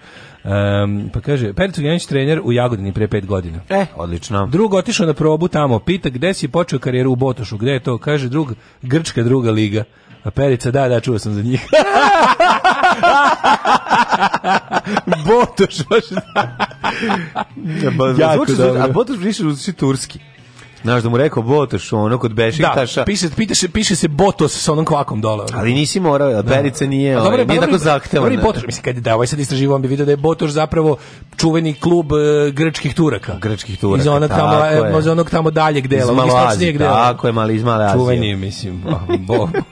Pristavljam sarmu od ranog jutra. Imate neke savete kako da bude ukusnija Pa, um, probajte, da li neko ikada pokušao možda malo da kako da kažem, neki donesi neki fusion u sarmu. Jo, šta sad misliš sad, sad bi te šutno pod Zašto? znači fusion u sarmi? Pa malo dodaš neke elemente stranih kuhinja Fusion se pra... ne. Recimo dodaš pa kari ne. praha u mesu. Šta bi falilo? Što ne bi probao? Ja probaj napravi par sarmi. Odvoji, evo, kad praviš sarmi, ako napraviš 50 komada, odvoji jedno, tri, četiri u posebnu šerpicu Uzmi za zapeč. kari prah. I na, u meso, ovo pre nego što budeš, uzmi napravi, dodaj recimo neke malo indi, čubrice. Za, indo, za, indi, za indišig. Zašto bi za indisa? Pa da probaš. Na Vendiši, malo što bi rekao, Evo moj, ideja. moji prijatelji iz Maslinave. Evo, ja mislim, da to ne znam da li neko rekao, radio. Moj, naš dragi čovjek iz Maslinave, za Vend, na Vendiši malo ovčijeg sila, on je malo jači, i stavi slanog kapla. Da. Znači, slani kapav i na Lendiši i, Sad i znam, u to u ovoj maslinari. Sad na onog lika, bože što sam grozan čovjek, onog što je, onako ne znam baš da je diskutabilnog mentalnog zdravlja, ali bio jako simpatičan ovaj čovjek. Nije sad ovo ovaj je bio onaj na netvrđevi što je prodavao lijepe pržene sjemenke. A ja sam njegove kupio. Ono pa naravno. Lijepe pržene sjemenke. A e, znaš od čega su bile slane? Ne, ne moram ja baš sve da znam kao što rekao. Aj, to je šala, Kaže, loša Malo sinergije treba za dobru sarmu. E, a, moj, a izdvoji ako napraviš, kažete 50 sarmi. Izdvoji jedno pet, napravi ih u onu u e, smesu pre nego što uradi, slušaj slušajmo e, slušaj kuva ih 9 dana na 11 stepeni. Znači ono će biti najkusnije. 9 dana na 11. Znači ono kao, nemoj da mi više izmišljaš. Ti ono šta ima da dode više Pa što sam, možda pa mi zanimljivo? Pa stavi malo suvog mesa preko toga, zali dobro. dobro. Čekaj, zašto ne bi probao ovako? Zato što možda sarma, bude nešto dobro. Tim koji pobeđuje se ne menja. Ne može, možda može da bude još bolje. Ne može biti bolje od sarme. Čekaj, uzmeš pa- ovako, napraviš onako malo po, napraviš fusion sarme i Asian. Još ako jednom čujem fusion ovo ovde. Dobro, znači, spoj. Nemoj mi. Napraviš spoj.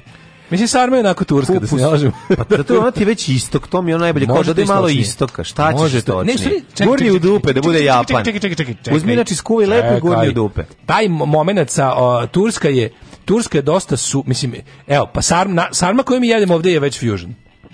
Zato što sve je fusion u Vojvodini. Pa mislim. dobro da, da, da, da. I sad kad se napravila ideja e, pa idealno. Sad, sad kad je kad se kad je Sarma krenula da zapad, Slovaci, kad bi Slovaci u Bačkom Petrovcu pravili fusion kulen, na šta bi to ličilo? Nemojte. Dobro, mislim napravili Ima nešto što već je zašto dobro. Zašto ne bi probao nešto? Okej, probajte, ono ako hoćeš. Dobro, pa znam ali neko tako treba sad sve praviti. A možda čovjek hoće lepo da jede i dobro i ono, znači ovako, evo moj savet. Evo, sarma koju mi volimo i znamo, to je sarma koja je iz Turske krenula ka zapadu. Mi smo nekom zapad, verovali ne. tako da krenula sarma. Krenula ustala ujutru sarma, kaže, pakujem kofere da ostane. Ova naša nekako po, pogermanjena sarma, mislim, ova sad, prvo, prvo što se u pa Turskoj ne pravi sa kiselim kupusom za početak, nego se pravi od tamo s čega ima i nije pa kisel. Pravi se s onim šta ima. Grčka sarma je bukvalno samo pirinač u, u vinovom lišću. Nije samo pirinač, ima i meso. Pa jako rekao, da. one, da. one, one najklasičnije su. Ne, to što stiletova u maju mesecu za 70 evra, 12 dana. Nisam nikad bio grčka Stvarno? Pa onda si jeo one sarmice u, u, konzervi. u Da. A da. Dobro. Ovaj I onda kao, znaš, sad, sad kad je to tako, misliš, šta sad, ako je Sarma išla na zapad, čemu su pa, pa, pa nek one... Sarma ode i nadalje na istok. Pa su, pa, ok, Sarma ali Indiju. stigla je bre iz in, mislim stigla, stigla je iz Turske. A iz Turske iz ono Nek iz Malazije. Sarma da se provede malo u Indiju, da vidimo šta će se desiti, šta je fali. Vidi ovako, je moj ti sad, znači napravi kako inače praviš, a onda sebi nju začini posle i dosta su, stavi samo suvog mesa lepo okolo, slaninice što imaš, kužurice, to sve lepo zali posle i ostavi da se dugo krčka. Evo, sarma s da morskim dobra. plodovima, ideja. Kaže, može, Do... ide, svuda može kari, naročito Naročito kari mad, madrac, da, madrac. Da. Do slanka me ne idi da uzmeš morske plodove, tamo su najbolji. Da. I onda napravi. Mislim, mislim možete eksperimentišete vi, ali je postojite neka jela koja ja, ja, za koje ja ne, ne volim da se eksperimentiše, a to su suljpa, sarma, te neke klasične, te 4S, supa, sa, suljpa, sarma, surutka i šta je još sa...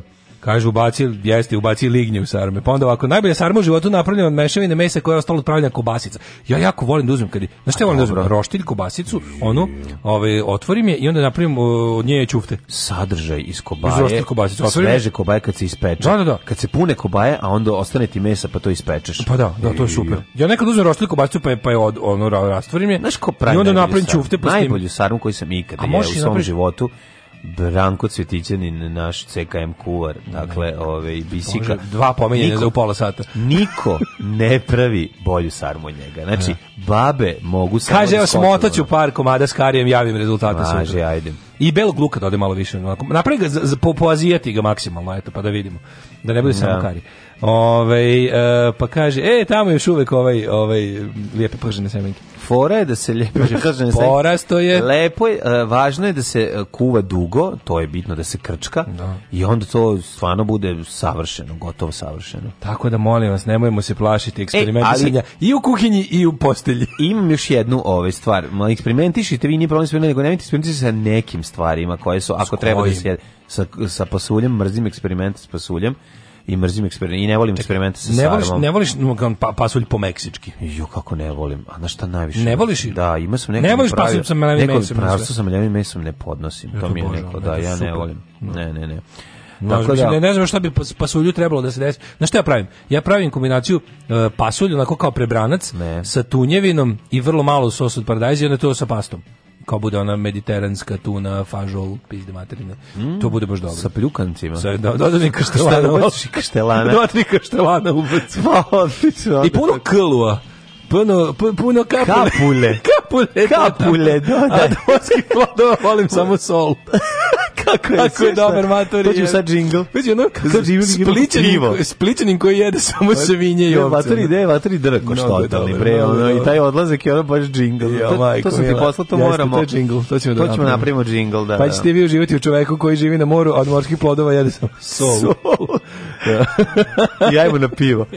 Jako da. Ajmo brzo u, ovaj, u, da vidimo vreme kako nas očekava. Ajde, ajde.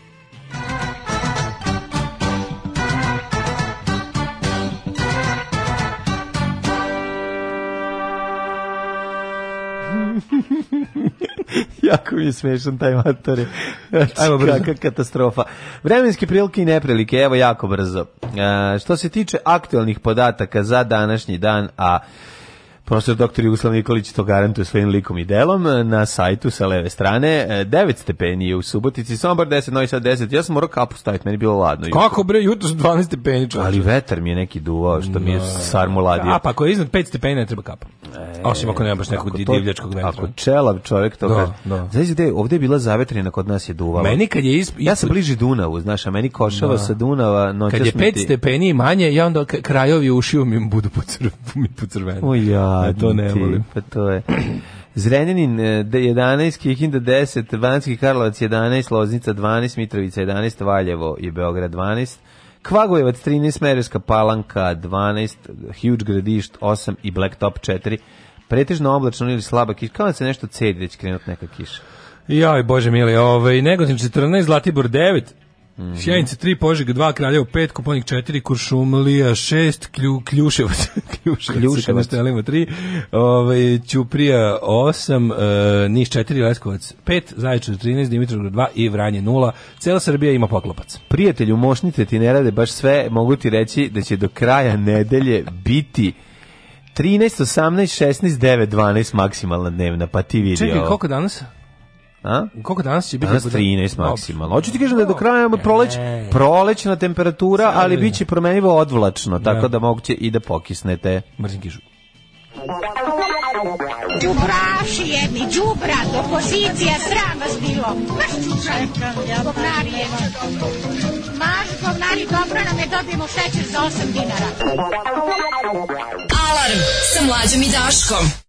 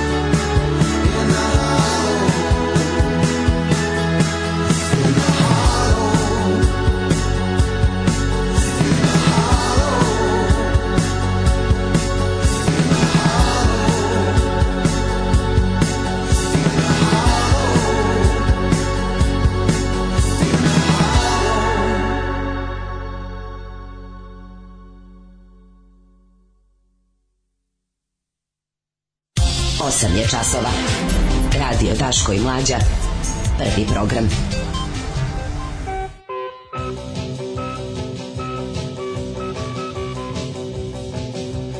Strangers in a Halav, to je Daško kad u Trenđi uđe da mori frižide. Strange in, in the Halav. Da, znači, obučeš ovo malo sa nabavijem ramflom, da može više stane. Kaže kako lepo ova pesma, jeste, ovo mi je najbolja stvar koju sam čuo od tebe. stvar, a? Ove, ovaj, kaže ovako, o, e, u, si vidio, aj što sve imamo? E, prvo, nisam ja snimio, eto, nije moja. A, ko nam je dao? Ova pesma.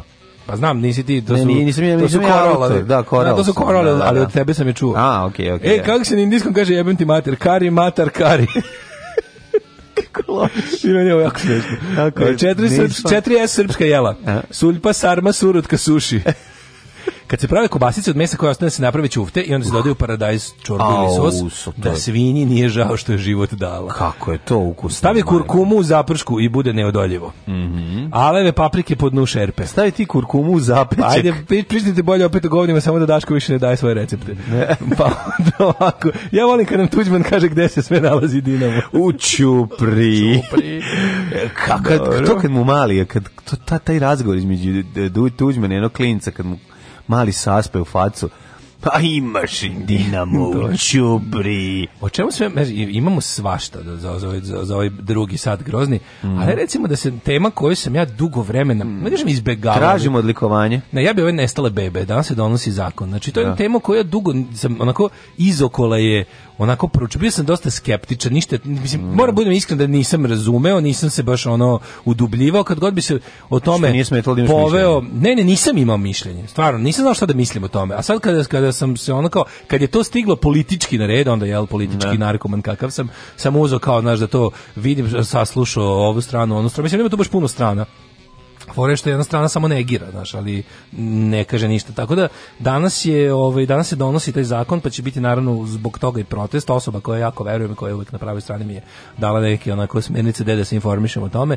Pa sam onda uzeo malo da pročitam i boga mi juče mi je dan protekao u, u, u, ono iščuđavanju nad time ono potpuno, da. pa možemo malo o tome, tema je zaista malo jaka pa imamo još onda posle što imali smo sinoć. Nisam vidio hit tweet, ili bio dobar, ja sam vidio samo otisak. Pa ja nisam ono, ma kakvi, ti znaš da sve hit tweet nisam pogledao ni jednu nikad. Da. Znači jednom o, sam ovaj, možemo malo, ili, ako stignemo znaš, nešto pomalo reći ove, ovaj, i ovim uh, um, anti anti pomišljam rasističkim patrolama pa ajde da krenemo ja bih napravio jedan za jedan A, pa. konglomerat ovaj odlikovanja rasističkih patrola i ovo sve nemoj mi ukradenih beba pa to da. Pa mislim pa da naš, mora odmah odmah idemo jako pa idemo jako idemo ponedeljak jako. je moramo krenuti da. snažno znači ono čitamo mejlove koji su stigli vikend za vikend uh, ubacujemo se u poslove rešavamo znaš kada ono krene ponedeljak na nagomilalo mi se e, dosta ne mrzim, posla ne e. mrzim kapitalizam nego ponedeljak Jesi li mu rekao sve osobine dvojnika? Pa uglavnom sve. Samo nisam jednu sitnicu. Koju? Pa da je Bečija peder. Pa dobro, sad to i nije mnogo važno, jel? Znam samo i oni ostali su pederi. Mislim da je to neka njihova organizacija. Alarm sa mlađom i Daškom.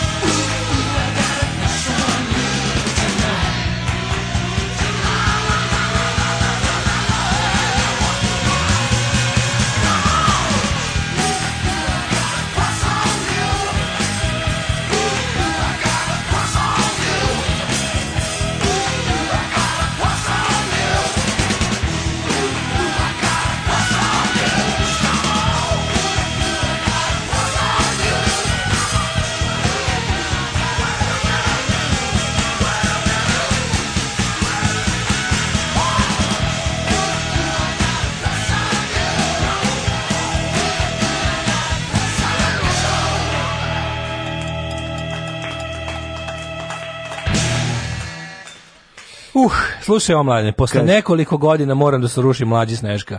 Ne Dinamo Ćuprija, Morava je Ćuprija. Aha. Rekao je mu je srpsko Pančevo i albanska tirana, ali neka ostane Ćuprija bolje zvuči. Pančevo. Pančevo, meni je da. ostala Ćuprija. Ćuprija. Mogu, ali čekaj, ali, je li to kao da li je to što ću kažem, da li je da li je Tuđman isto mislio da je u Ćupri pa je rekao ili uopšte to nije rekao. Razumem što ću kažem? Nije, moguće da nije rekao. Nema ja veze što, jednom. znaš kao možda i Tuđman isto nije znao to. Ne, ja sam je rekao jednom pa sam izlupetao, da. nemam pojma šta je govorio, ja bilo mi smešno. Ove, ovaj, kaže, ne znam za vas derani, ali mene strah od ovih ljudi. To koliko dugo trpi da ne bude, e, kaže, to toliko dugo trpi da bude trpano i jede svakog ko se pobuni. Gde bi vi emigrirali? Ja neke Amerike gledam. Mm. Mi ostajemo Švedska, Švedska, mi, ostajemo, da, mi, smo, ovaj- mi štitimo odstupnicu. Mi Tako štitimo, vi svi treba, ljudi, Mi ćemo svi, biti neradnički bataljon. Svi, mi smo ali, neradnički bataljon, znači pašći 14 cm, ali neće, ali neće neradnički bataljon. A mi ćemo ali onda, neće, ali znate, nećemo izginuti. Daško i ja u posljednjem avionom bežimo za, ovaj, kako se zove, Varberg, kod, da kod ove Branke bežimo i Junasa, tako da eto spremili smo, uzeli smo karte. znate da smo mi u duši šveđani. Tako, ja je. sam trans šveđanin, ja sam čovjek tako. koji je, stvarno ja sam trans amerikanac, ne, najviše. Ne, ja sam ja sam skandinavac, to sam skotio. Ti si trans skandinavac. Ja sam, po svemu sam skandinavac. Ja sam trans amerikanac. Ja sam da. uh, ja sam uh, amerikanac rođen u srpskom telu. Ja sam šveđanin rođen u telu za ove Aškalije Srbine. Da. Ne. To ti kažem, znači, ali se osjećam, to je I identify as American, samo mi nikad ne veruje. Pa, ali nemam pasoš da to potvrdim. Ove, e, kaže, rekao je i Pančević uprije, jer je dvema prilikama to rekao. Jednom pred navijačima, jednom pred klincem koji je rekao da navija za Dinamo. Dinamo, da, da. E, ovo mi je najlepše, kad, smo, kad su svi u pravu, to je najlepše. Tako je. E, ovaj, ajde malo se pozabavimo mojim nestala bebe. Znači, to je tema koja nismo se nikad oticali, sad evo ovako mogu ja da ispričam svoju svoju Izvolite, ovaj, svoju svoj dijalektički razvoj oko ove Vi ste teme. se bavili tim. Pa sad sam se bavio za vikend jer Aha. stvarno ono kao naravno nije dovoljno da bi ali mislim imam formirao sam neki stav o tome.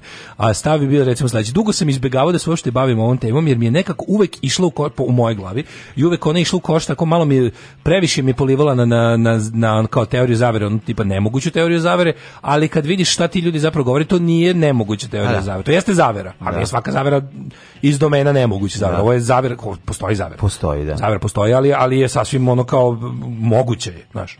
Ovaj pa zašto ne zašto nije ovaj Zavera se zove trgovina, mislim. Trgovina je, da, i zato nije nije nikakvo, znaš kao kad kad kad se to razluči na prosto činjenicu vidiš šta da. kako je to moguće. I jasno ti je da u poput naše. Da, nije nestajanje bebe koja... radi prizivanja Belzebuba, nego se radi da, da, da, da prizivanja da, da, da, to prvo drugo. E, I stalno se mi trpa neko isti koš ljudi koji protestuju protiv genetski modifikovane da. hrane ili tako. Znaš, uvijek su i tako išli. Znaš zbog čega?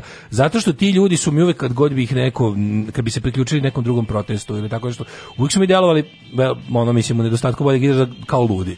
I onda sam, ali onda sam shvatio nešto, da ti ljudi su poludeli od toga. Pa naravno. Oni jesu ludi. Pa jesu, Mislim, sad, izvinite, što, što su izludeli. Uglavnom su, pazi, 90% ima tu neko ko uspio da sačuva, kako da kažem, priseb, po, pojavnu prisebnost i to, to stvarno, verovatno, najveća nepravda koju možeš da doživiš. Pa I ove, ovaj, oni, zbog toga oni jesu da kažem ludi, ali su oni poludili toga. Aha. Da. I sad to nisu, znači kao to nije masovna halucinacija ljudi koji kao što ja dugo mislio što da svi kao kad se sakupi 500 ljudi koji veruju svih hotele vanzemaljci. Nije tako. A zašto nije tako? Zato što kao kad pogledaš kada pogledaš da je tu zaista ono kao e, čim je država pristala, šta, šta mu stvari krenuo sam od nazad. Da, da. Kad sam video šta država nudi danas, danas raz, povod za ovaj razgovor taj što će danas u, u Skupštini da se podnese predlog zakona o takozvanom obeštećenju ovih ljudi. E, sad pazi, čim ti država nudi, ti znaš da država jako kako bih rekao, jako je tvrda na, na ono kao e, popuštanju pa naravno. u tom smislu. Znači nešto mora da bude, da bi državu nešto natralo da kao da, da odustane od svog nečeg, ili tvrdnje, ili još bolje materijalnog svog nečeg što Ćapilović to je ili masovnost, ili jednostavno, ili neki pritisak koji ovaj, koji će biti nepobitno dokazan. E sad šta je problem? Ljudi koji su koji, koji ljudi koji tvrde da su im deca ukradena po rođenju, proglašeno njima, njima saopšteno da su deca umrla, a zatim ta deca bukvalno prodat. No, prodat. Prodali, to je da, da, prodato, razumeš? Mislim, možda postoji neki slučaj neko preko veze nabavio dete a da nije platio, zato što ne znam šta, ali to je problem koji koji kažu postoji od kraja 60-ih i otprilike da. do 2000 do, od, od 2000 više nije moguć zato što je se ne znam uvelo nekad nekad drugčije on kao što pada transparentnost veća. Ali onako to je to je problem koji je bio, to je bio organizovani kriminal koji za koji kažu da je učestvovala i država i ona država i ona divna država i ova da. država i to se ne naš još je kao razmere toga u kojoj meri su ljudi koji su trebali takve stvari da sprečavaju bili obavešteni i u kojoj meri su profitirali još ima da se utvrdi, ali da tu nešto zaista postoji govoriti ovo što država danas hoće da donese zakon. Zakon glasi da će da usvoje uh, e, prilike obeštećenje roditelja koji potražuju svoje decu. Ono. I to tako što, Šta, su dodali, si vidio to? Ne, ne. E, zakon je, kaže ovako, da, da, da, bi se stavila tačka na ovaj slučaj, a to, pazi još ovo, to rade po nalogu Evropskog suda za ljudska mhm. prava, mm -hmm. a Evropski sud za ljudska prava se, ono, ne bavi ljudima koji su oteli van vanzemaljci, nego konkretnim stvarima, i kad ne možeš da nađeš pravdu u svojoj zemlji, žališ se Evropskom sudu za ljudska prava. Ova je naložio Srbiji da to ispita do kraja. Srbija to ne radi. Naravno. I sad pazi, oni bukvalno kažu mi ne možemo, nećemo, šta god kažu. Oni jednostavno kao kad Vučić kaže nemamo snage da se obračunamo ne. s da. huliganima. Ovi isto izađu i kažu mi to kao ne možemo da uradimo. Ali umesto toga da bi jel kao bili u miru sa, sa evropskim da. kako oni misle da će umiriti Evropski sud za ljudska prava, mi ćemo da ponudimo tim ljudima odštetu. I to su, oni su doneli otprilike ono sed, sedeli, vagali i izvagali da dete može najviše da košta 10.000 evra. I sad pazi, ali najviše što će reći da kao neko će kad dođu roditelji, sad ne znam u odnosu na šta će to biti, da li će da im uzime prosek zarade, obrazovanje, koliko su tugovali za dete, neće, dete, dete najviše može da košta 10.000. Znači neko će dobiti za dete 500 evra. Šta za koje? Pa, pa zato što zato što mu ga nema ono. Šta imaš brojač suza pa kao. To ti kažem, znaš kako, kako možeš, pa znaš, ono, to je to mi je bilo baš kad sam video to, sam bio znači ovo ne, ovo nešto, mislim ovo je nešto jako veliko i grozno. Znači, onda kao krenu, ako država pristaje da donese zakon koj, o kojem će se raspravljati naredna dva dana, pa će u sredu da ga... Mislim, znaš, ono kao, pa će na ono Pavlovljevo zvonce da ga donesu, ne. Da. ako im je to u interesu, a državi jeste u interesu, a nikako nije u interesu pravde. Znači, ljudi koji, koji tvrde da su im deca nestala. Šta je, šta je fora? Kako to dok, da, dokazivanje toga je jako teško? Zato što gledaj, znači do sad se nije javio niko, naravno se nikad nije javio niko koji je kupio dete. To ne može očekivati. Pa da, mislim. Drugo, ta deca koja su prodata, isto su koliko oni on dete koliko zna za sebe je ne, je dete od tih ljudi koji su ga kupili. Naravno da ne zna, mislim. I neće, niko neće da zapravo kako kažu da li želite pošto ne možeš ti nikog naterati da DNK testira nikad da. ni pod ni pod kojim uslovom osim ako se ne radi ako, nalog tužilaštva za da, nešto da, što da. te gone po službenoj dužnosti. Za ovakve stvari koje na neki čudan način su ono do sada otprilike ne spade uopšte u ono što smo rekli gonjenje po službenoj dužnosti. Znači, ukoliko ti ne, ne, ne neće dobrovoljno niko da da, znači ovaj problem je što ti se ne može da nađeš nijedno od te dece koja kaže: "Ej, ja sam ti u stvari majka, imam dokaze, da li hoćeš da znaš?" Niko ne želi da ide tim putem. Ja. Da. I to razumeš isto.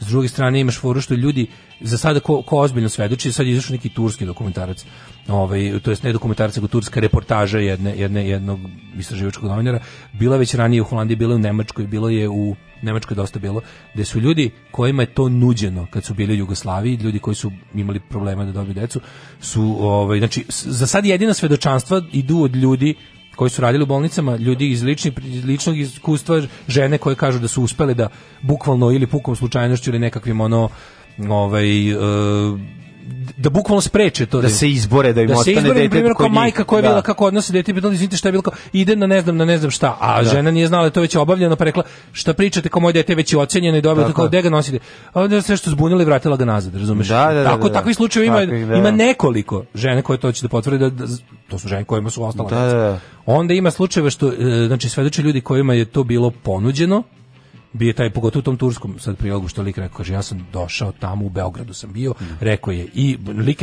rekao je i instituciju i doktora i sve rekao jel taj doktor i dalje radi ili, ili zaboravio sam mu ime ja mislim da se mislim da je ovo bilo 80 ih godina da. i da je čovjek rekao da je 80 ih godina da su ga bukvalno uveli u prostoriju i da su mu rekli biraj i da je ovaj tada u tom momentu. A kaže, kaže ja, ja, on kaže kao, ja ne znam kako se ja našao u toj situaciji da mi je palo na pamet da tako nešto razmotrim, ali u momentu kad mi rekao bira, ja sam se ono kao prilike, sam samo shvatio šta, kao koje je da, da, da, u pitanju. Ono. Znaš, pošto vratno čovjek bio očajan ili šta se već, šta već ljudi radi kad jako žele deca, one mogu da imaju. I onda, znaš, ono kao, to je, mislim znači ono kada vidiš da kad vidiš šta sve tu postoji ali čim država pristaje da se ne bavi time znači kad bi država pristala nešto za šta može na bilo koji način da dokaže da nije krivo naravno ti ne bi da mislim to je jasno a onda i taj ludački kada ti to sve znači kao kada, kada to sve prvo odbiješ da istražiš a onda kažeš ja ću dati paušalno pare Pa ne, I da, doneseš cenovnik da, koji da, ono fluk, za decu, pa da. fluktuira.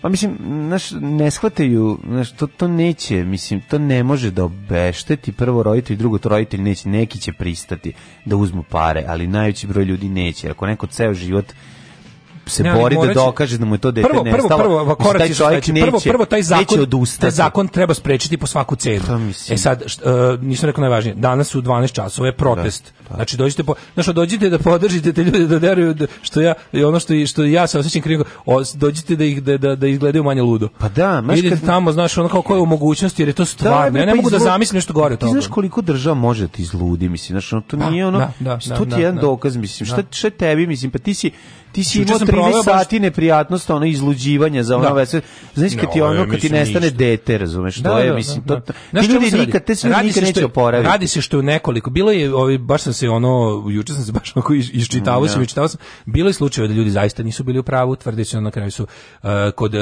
zbog različitih procedura koje su bile neusaglašene ne, da, da. ljudi su tražili da vide telo umrle bebe nisu dobili kasnije je ipak ime dato nepobitno znači pa je bilo ali znaš to to treba da se uradi onda razumeš jasne, jasne. jer je u slučaju pazi neki Mislim ljudi da žele neki ljudi žele da sahrane novorođenu mrtvorođenu da. bebu pre, preminu i to treba poštovati ne. Da. znači uglavnom nekad se to treba kao medicinski otpad što zvuči surovo ali vidim logiku u tome razumeš mislim ali u svakom slučaju mora znači u slučaju ako postoje pazi to su to prelazi hiljadu Znači ako postoji slučaj koji hiljadu puta nekom nije Znaš, ako želiš ti, ako, ako ti tražiš, hoću dokaze, hoću obdukciju, hoću, hoću sve ono što hoću da se prati medicinska, pa bez tamo da. procedure je izmišljena da spreči takve stvari. Pa sad, u momentima, znaš, u momentima, znaš, šta, ti se može zamisliti mislim, kako se to radi. Prvo, koga postoji, oni targetiraju, razumeš? Da, da. Koga targetiraju? Koga? Oni prouče dobro ljude koje će zajebati. Tako je. Razumeš? Tako je, pa im izmisle nešto.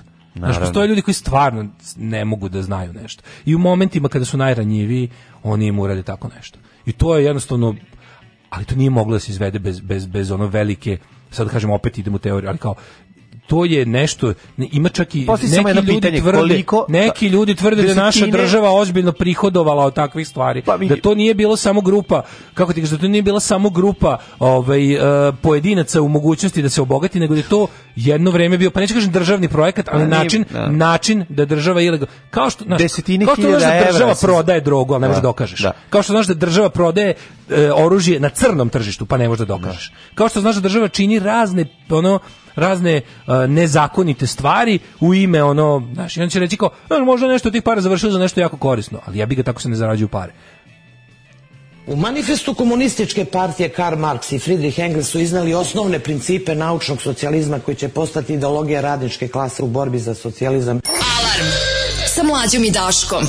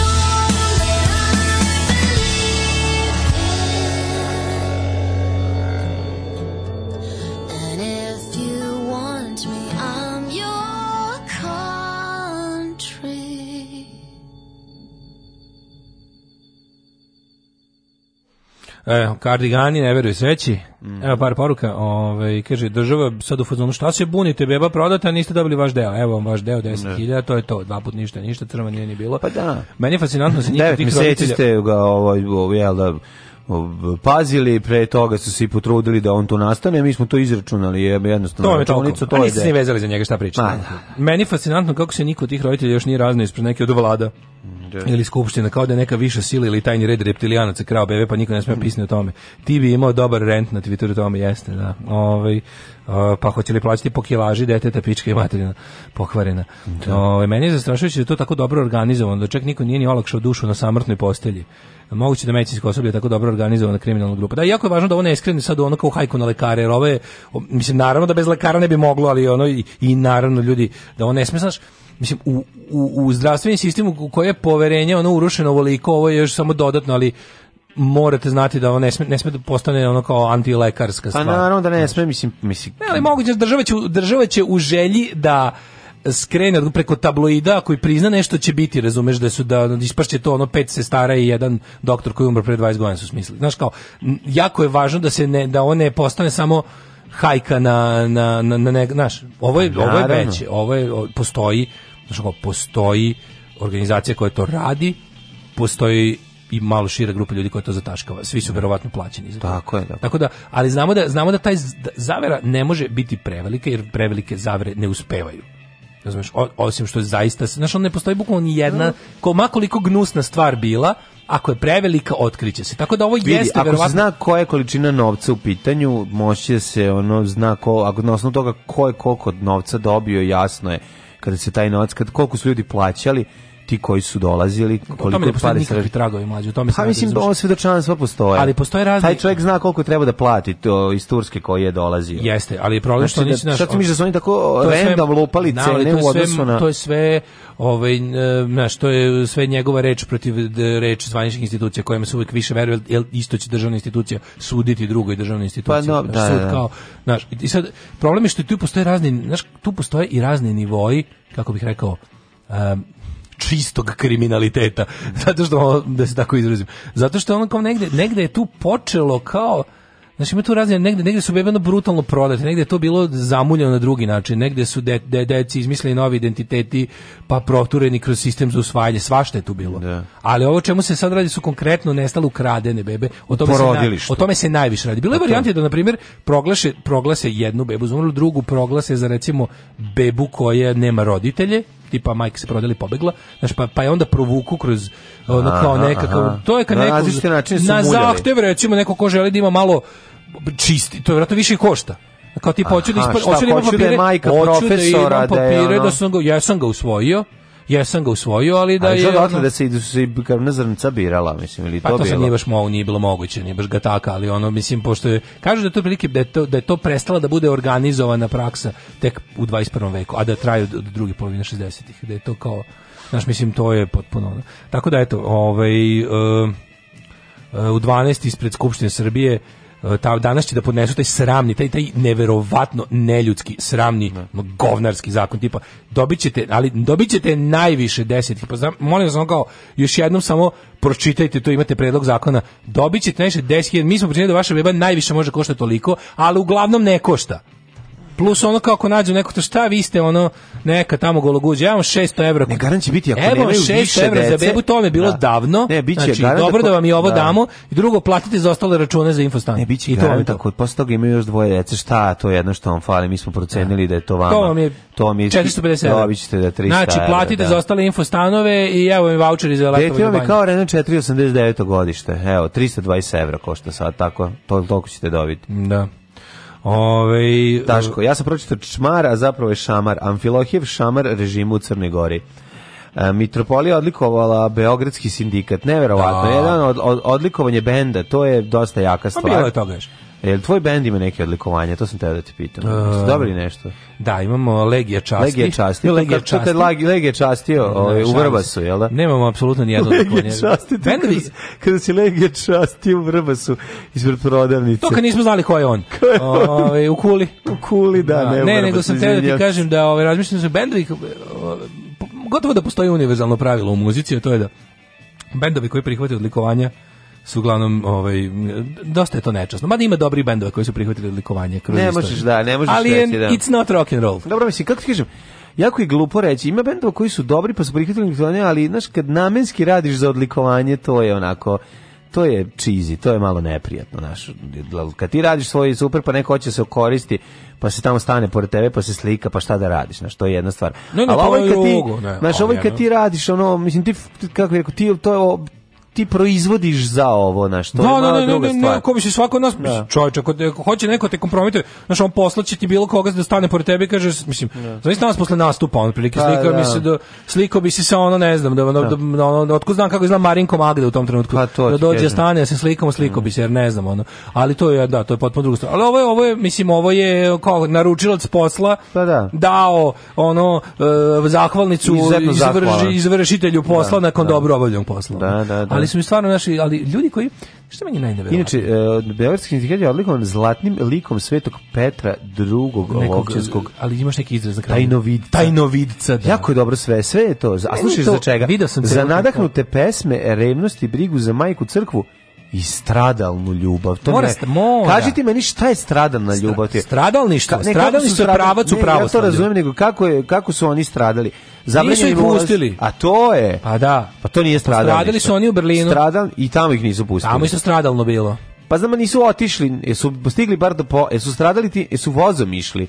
Ne, Stradalno bi bilo da su išli prugom Beograd. Ne, ne pa moraš, pa dobro, stradalo mislim, ti sad malo, malo tražiš od ljudi, dobro, izvini, malo tražiš od ljudi ono rano hrišćansko stradalo. Pa želim to. A jebi ga nema to. Ali stradalništvo kao pa pravcu... Stradao je nije imao dobar internet. Stradalništvo, jebi ga vremena se, times they are changing. Znači, ne, molim te, stradalništvo kao konstanta, znači to je jedan pravac u pravoslavlju. Na, to je pravac u srpskoj politici. Recimo. Mi smo stradalniška politika od 91. Ali to je tekovina pravoslavlja. Da. Znači, u pravoslavlju još nekoliko pravaca. Jedan je naš omiljeni pravoslavlju misticizam. Pravoslavni misticizam. Onda imaš ovo porno pravoslavlje. Da. To je ovo vladajuće pravoslavlje, većinsko mm, pravoslavlje, da, da. porno pravoslavlje, to je ovo što tako, da. razumeš, što imamo ono u, u, u široj javnosti. Da. E, onda imaš stradalništvo. Stradalništvo je ipak... Porno pravoslavlje kad Marijana Mateus sedne pored porno nekog Porno pravoslavlje je ono što, ono da. kombinacija svega, ono, to ti ono kao, razumeš, kad, kad, ono, kad u, ne znam, učesnici i zadrugi furio brojanice. Da, to je da, porno pravoslavlje. E sad, stradalništvo. Stradalništvo je se aktivira samo u posljednjim trenucima. Kad je sve u redu, pravoslavno stradaništvo miruje. miruje da, da, da. A pošto mi nekako baš imamo samo od života 10 godina lepih, ostatak... Ali za, za datume postoje, stradalištvo ide po datumima, je li tako? Stradalištvo se aktivira kad je blizu uh, godišnjica oluje, kada se, A, da, ovaj, da. kad treba da nam se otme Kosovo, kada da. nam se nam ugrožene recimo, svetinje. Meni je recimo bilo jako dobro što je prvi prve one litije kad je krenulo kad je krenulo nedavanje svetilja ne. Da. pozive gla, uh, podrška stradal, stradalnom srpskom narodu u Crnoj Gori. Ja bio sam kao Ste vi normalni? Ne, Ko ja je tamo stradao? Ja sam mislio da mislim na mene, ono kad sam pokvario stomak ovaj, u Petrovcu. A bio sam ja stradalni srpski narod u ja Crnoj Gori. Ja sam dva puta razboleo. 2006. na moru su bio najstradalniji srpski narod. Jebote. Tad sam ja, i to i to u srcu i to u srcu Herceg Novog koji ovaj je koliko znamo srpski. uvek uvek bio prosrpski, da. da. da. Tako da ako sam tamo uspeo da budem stradalni srpski narod od najgore mm -hmm. ono ove znojne vagine i temperature najviše u životu kad sam buncao. A ja. Tako da to je ali kad su rekli kao okupimo se da podržimo Jesu Kristu kralju. Bio sam Krist kralj ti se javio. Prva li tipa prva litija koja je organizovana u Srbiji da kao podrži oni crno mm -hmm. podrška stradalnom narodu crn, srpskom narodu crnogorsko izvinite gde su kako ko je mhm. postradao šta i onda se stvarno vidio da se da se definicija stradalništva promenila mm -hmm. na primer, Rane hrišćane su bacali lavovima, drali ih žive, kuvali ulju, ono sekli na hiljadu komada. Mm -hmm. Znaš, ako bili su dosta kreativni ne, protivnici hrišća, vjere, hrišćanstva i pagani. A ovaj dok e. recimo 2020. stradalništvo je baš to što si ti rekao. Da. Tipa ne daju nam da u crkvu imamo objekat salon zabave sa mhm. smeštenim kapacitetima i suvenirnicom od 300 kvadrata stradalništvu. Samo da ti kažem, ovaj, tri člana grupe su postradala, jedan je uspeo da uđe u Crnu Goru i te da dobije granatu. E, taj dobije granatu, da. taj dobio granatu. Opel, o, bom, bombaški proces. Ali lepota... Pazi, Crna ne, Gora, granata. Lepota sa Beogradskim bombaški... sindikatom je što je to kao anal gestapo. Svi da. su, mo, svako može da bude član. član e, to mi se Jednostavno, sviđa. ako, te, da, da, ako da. budeš prolazio blizu mm -hmm. mesta održavanja koncerta, možeš postati član. Možeš se naći na bini. Beogradski sindikat, mi znamo da su to onaj, ovi e, državni službenici, ovaj Feđa, da. onda ona i Škabo, znači mm -hmm. ona kao i ra, na razne načine Blažo izvesni. Žobla čuveni. Žobla, da, da. da. MC ovo, MC one. Znači onako... Đafe Žobla... Uh, Đafe Žobla, Đafe Škabo, škabo Ima, oni su kao recimo okosnica, okosnica, okosnica. Mm -hmm. Ali ima tu kao šira, šira je, ima ove uže jezgro, ima i ovaj mhm. kao drugi prsten. Ej, nisam slušao ovu drugu stvar, ove, ka, slušao sam samo dogodinu u Parizeru, ova nova je... Dobro, moram da kažem, meni se sviđa, ako dosta su bili, mislili su na sve, mm -hmm. Mitropolija eh, je mislila, nisu, ih, mhm. nisu oni njih, ovaj, kako bih rekao, odlikovali za celokupni rad, jer onda bi tu ono, onda bi tu moralo da, da se dobije nagrade i za pesme o, o ovim, znaš, izdvojili su. Imate da. ove dve, ove dve duhovne. Za ove dve stvari. Da znate da niste dobili za slatke male maloletnice, Aha. niste dobili za ono gudram se da. ono sipan kokain na kurac i ostale da, hitove. Da, da, to, to, nisu, ne. ne. To ne, ne. Samo ove, samo ove stradalničke. Aha, aha dobro, to više o tome razmišljate. Samo stradi nema mitropolit, ovaj an, Amfilohije, ka, on je ono prost da. preslušao opus i rekao ovo je bogougodno, ovo nije. Mm -hmm. Tako da oni Svi će su... za ovaj je hit je ime na Ovaj, će ovaj svi će da umrete. Jesi to gledaš? Svi će slušati tu stvar tu, jesi? Ja sam, ja sam da, ali, ali ovo nisam. Ne, čekaj, nisam ovu koji, koji ima dve. Pa ti ja smo slušali dogodinu u Parizeru, a nismo ne, slušali svi će. Ne, za dogodinu u Parizeru su dobili isto. Pa za te dve, za dogodinu u Parizeru i svi će zora za te dve. Čuo sam onda obe. A ja bi se čuo kako mi sviće zora, to te pitam. Odlična stradalnička, Dobre, ima puno, da, da, da, da, da, da dobre, ima skroz ono... Ne, znam, njima crkva da studio besplatno da snime, mislim. Ne, ne, to ne, sami, sami, sami, sami, sami, sami, sami, sami, sami, sami, Znaš kao ono... Ne, kad na frku treba, sad se neko znači, sranje dešava, treba novi singl izbaciti, pa ono ne znam, znaš, pa ne, može u radiju. Njima nikad neće nestati materijala za pesme, razumiješ? Mm -hmm. Ono mhm. kao, dogodine u prizinu... Može sve Tigori da se snimi, to radio beseda. Radio ovaj, beseda. Ne, pa da. znaš kao oni tako, gde god oni kako, do godine ovde, do godine tamo, stvarno, do godine maltene samo po Srbiji i to ne mm -hmm. po mhm. onom što oni smatraju Srbijom, nego ono što je realno Srbija. Mm -hmm. Ja stvarno mislim, do godine ovde, do, do. Ali kad su, kad su izduvali u Berlinu, No. Da. To je bilo baš onako, mislim, počela kosa ponovo da mi raste. Znaš, jaka je novosadska dijaspora u Berlinu. 10 kuna, molim. 10 kuna? Sve za dobru svrhu. Alarm sa mlađom i Daškom.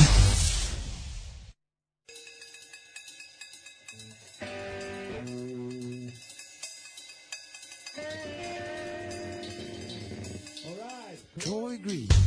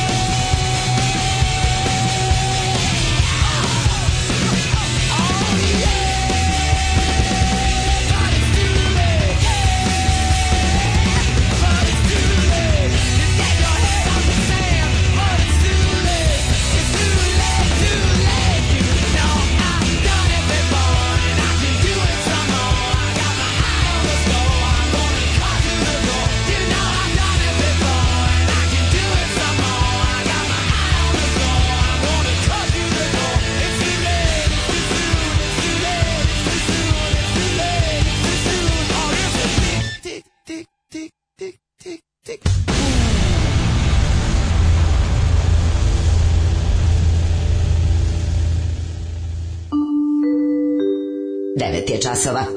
Radio Taško i Mlađa. Prvi program. Ovaj kaže nemojte begati preko, treba da nas ostane nešto da idemo uskurac i skačemo po živcima ovima sa vlasti i na lokalnom nivou. Ja se baš trudim da budem seoski govnar u očima podguznih muva. Jebem lim seme. Ovaj kaže dok sam radio u knjižari Džembeli Feđa nije izbijao iz sekcije s Delima Nikolaj Velimirić. Moguće taj čovjek nema, mislim on je on je ono kao bo, on ima blove. Moguće taj čovjek nije već kupio sve što ima od Nikolaj Velimirić pa kući da čita. Pa dobro. Znaš kao, mislim, on je valjda kako... A znam nam, dobro i kad te vide, mislim. On ti uspešni advokat. Ono. Možda i cugati kod kuće, ali lepo i kad cugaš u kafani, to ti to. Pa da, kao, ti stvarno nešto da kao... E, kao, umesto no, pustim ploču kod kuće, idem u prodavnicu ploča da pustim tamo. Mm -hmm. Znaš, malo mi je debilno. Ovaj. Šta je bilo u Berlinu? Živ nisam. Šta što je bilo? Ništa. Beogradski sindikat misli da održe koncert u Berlinu, a Berlin je pun, kako da kažem, mhm. dosta budnih i dosta aktivnih antifašista i i ideje Beogradskog sindikata da u Berlin donose podele ljudima po nacionalnoj i verskoj osnovi jednostavno nisu prošle, tako da se za u roku od jako brzo sakupilo jako puno ljudi koji su uh, svim vlasnicima klubova u koje je pokušano da se utera koncert Beogradskog sindikata objasnili da to neće ovaj, dobro da se završi i eto koncerta nije bilo. O, to je bilo. E, treći sat, treći sat. Jesi, u trećem satu ćemo vidjeti prvo i svio kako je ovaj Bora Dežulović podržao NDNV. Jeste, jako pa podržali i jedan. mi što se kaže. A pa i mi, da, radujem mi se jer, jer radujem se jer će ovaj da bude još jedno mesto da ćemo čitati Dežulovića, koliko stvarno fali. Mhm. Mm A i ja nadam se da je ovo kao jo kakav je Luis, čovjek, se ga video.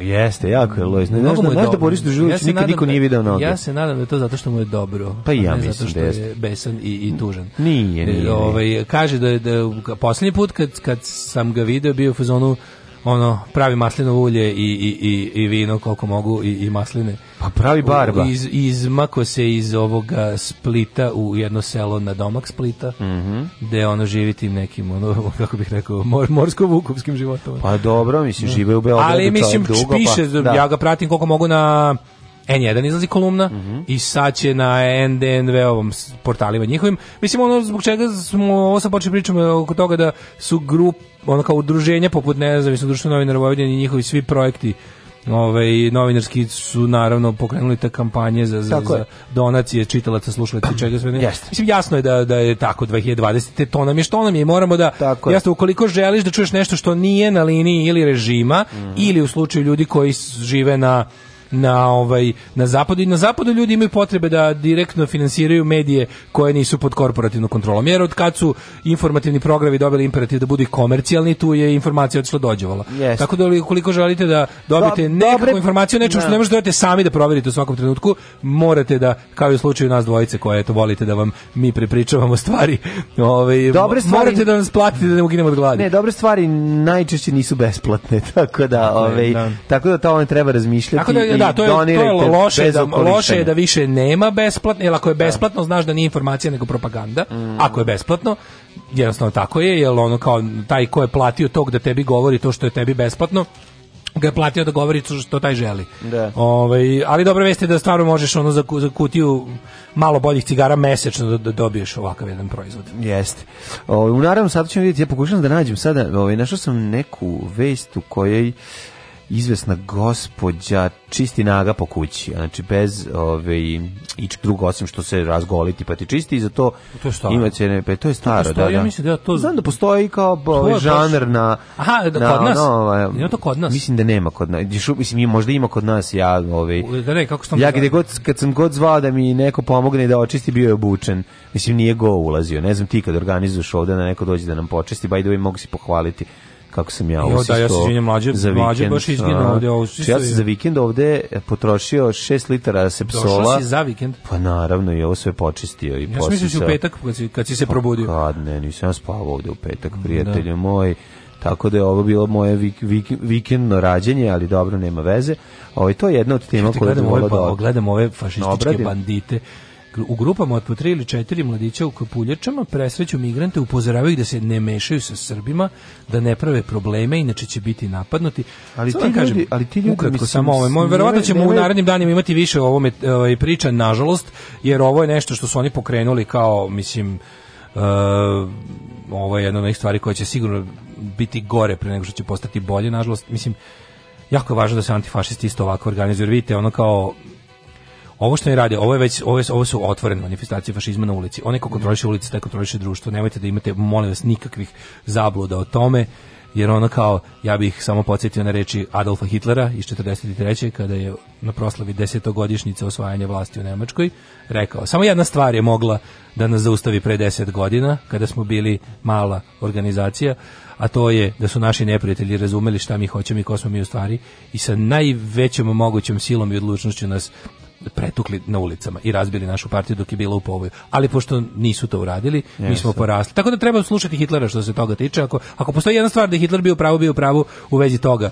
kako se hendluju fašisti, neofašisti, neonacisti i ostali, jer ovo što oni rade, to se naziva akceleracionizam odnosno u pokušavanje da se ubrza. To je jedna ludačka strategija koju su neonacistički ovaj, ideolozi razvili tamo negde još 80-ih, moguće čak i malo ranije, a to je da oni propovedajući svoj budući nadolazeći rasni rat koji, mm. koji oni veruju oni pokušavaju da ga izazovu. Da. Jer onda oni pokušavaju da izazovu stvari koje oni kažu da će se desiti. Kako se to ne dešava i kako oni naravno nisu u pravu, oni sada moraju da naprave migratski problem tamo da ga nema.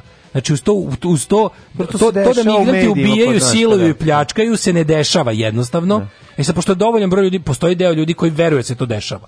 Ne oni koji ne veruju, treba se ubediti u to kako se radi. Tako što ti odeš kod ljudi koji optužuješ da ubijaju, izazivaš ih, izazivaš ti ih napadaš, da. ti njih napadaš. Tako je do trenutka do, trenutka ona... oni ne popizde i uzvrate e, e, i onda i uzvrate u, u, bez, u bezumlju. I, tako i onda bude besa, i onda bude. Onda migrant ubije konačno nekog u samoodbrani da, da. ili napadan stalno i ponižavan i drndan. E onda taj on i onda bude aha, jesmo vam rekli da je da. to, a pošto je to uz to ide i ova dva, znači to ne mora da, da se da. desi, da. nego samo priključe. Da. Tako da pokušaj da se izazove um, negativna društvena atmosfera u koje će oni iz koje će oni profitirati prvenstveno na tome što što će reći to se najbolje radi da organizovanjem paravo policijskih snaga što tako se sad trenutno dešava tako, mislim, tako, je tako da mislim ljudi stvarno je neophodno da, da mislim ljudi ne, imamo dovoljno policije ne treba nam para policija. mi mislim, da. ne. drugo stvarno ljudi moraju naći kod sebe u svaku u sebi mora naći hrabrosti da kada vidi ovako nešto da se suprotstavi tome Znači ljudi morate dobro je što vi lajkujete ono i to sve, ali kada vidite to na ulici, kada vidite da se neko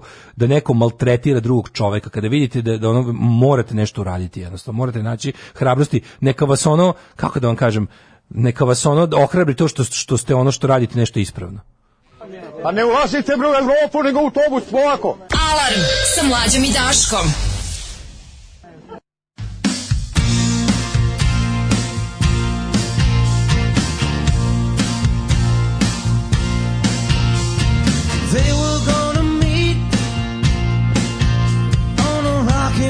Street. Too bashful heart to be in advance. The hands were gonna sweat. It was all set. She ain't showed up yet. Still a good chance. It's a love.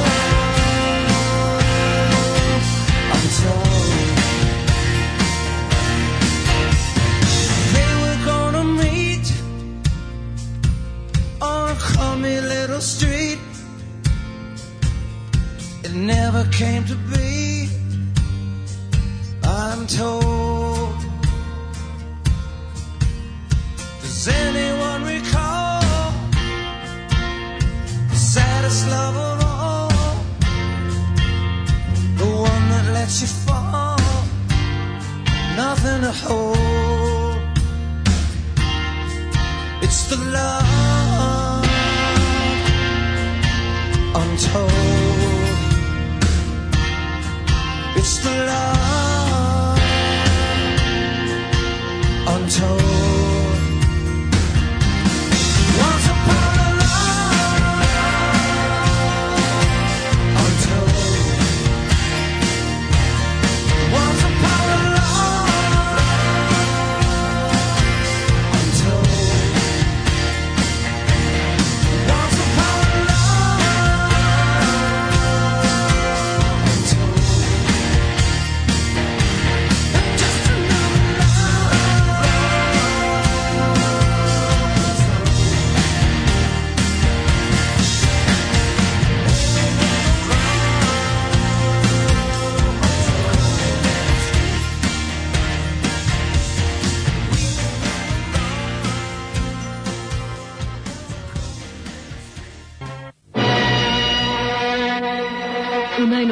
tajni ekskluzivno alfa i omega hipnoze. Kakva čuda nudi profesor Ainul Kebir, zagonetka zvana Raulo Amon, čajevi osvetljeni vatrom, Zdenko Domančić, ko je taj Alan Čumak, Stephen King, kralj horora, kad vidim pauka vrištim, Gordana Stošić, mistika nabijena erotikom, specijalno nagradni horoskop, ispovest Neleta Karajlića, priča iz zone sumraka, velika nagradna igra, tajne, sa dovoljno tajni za svakog Jugoslovena.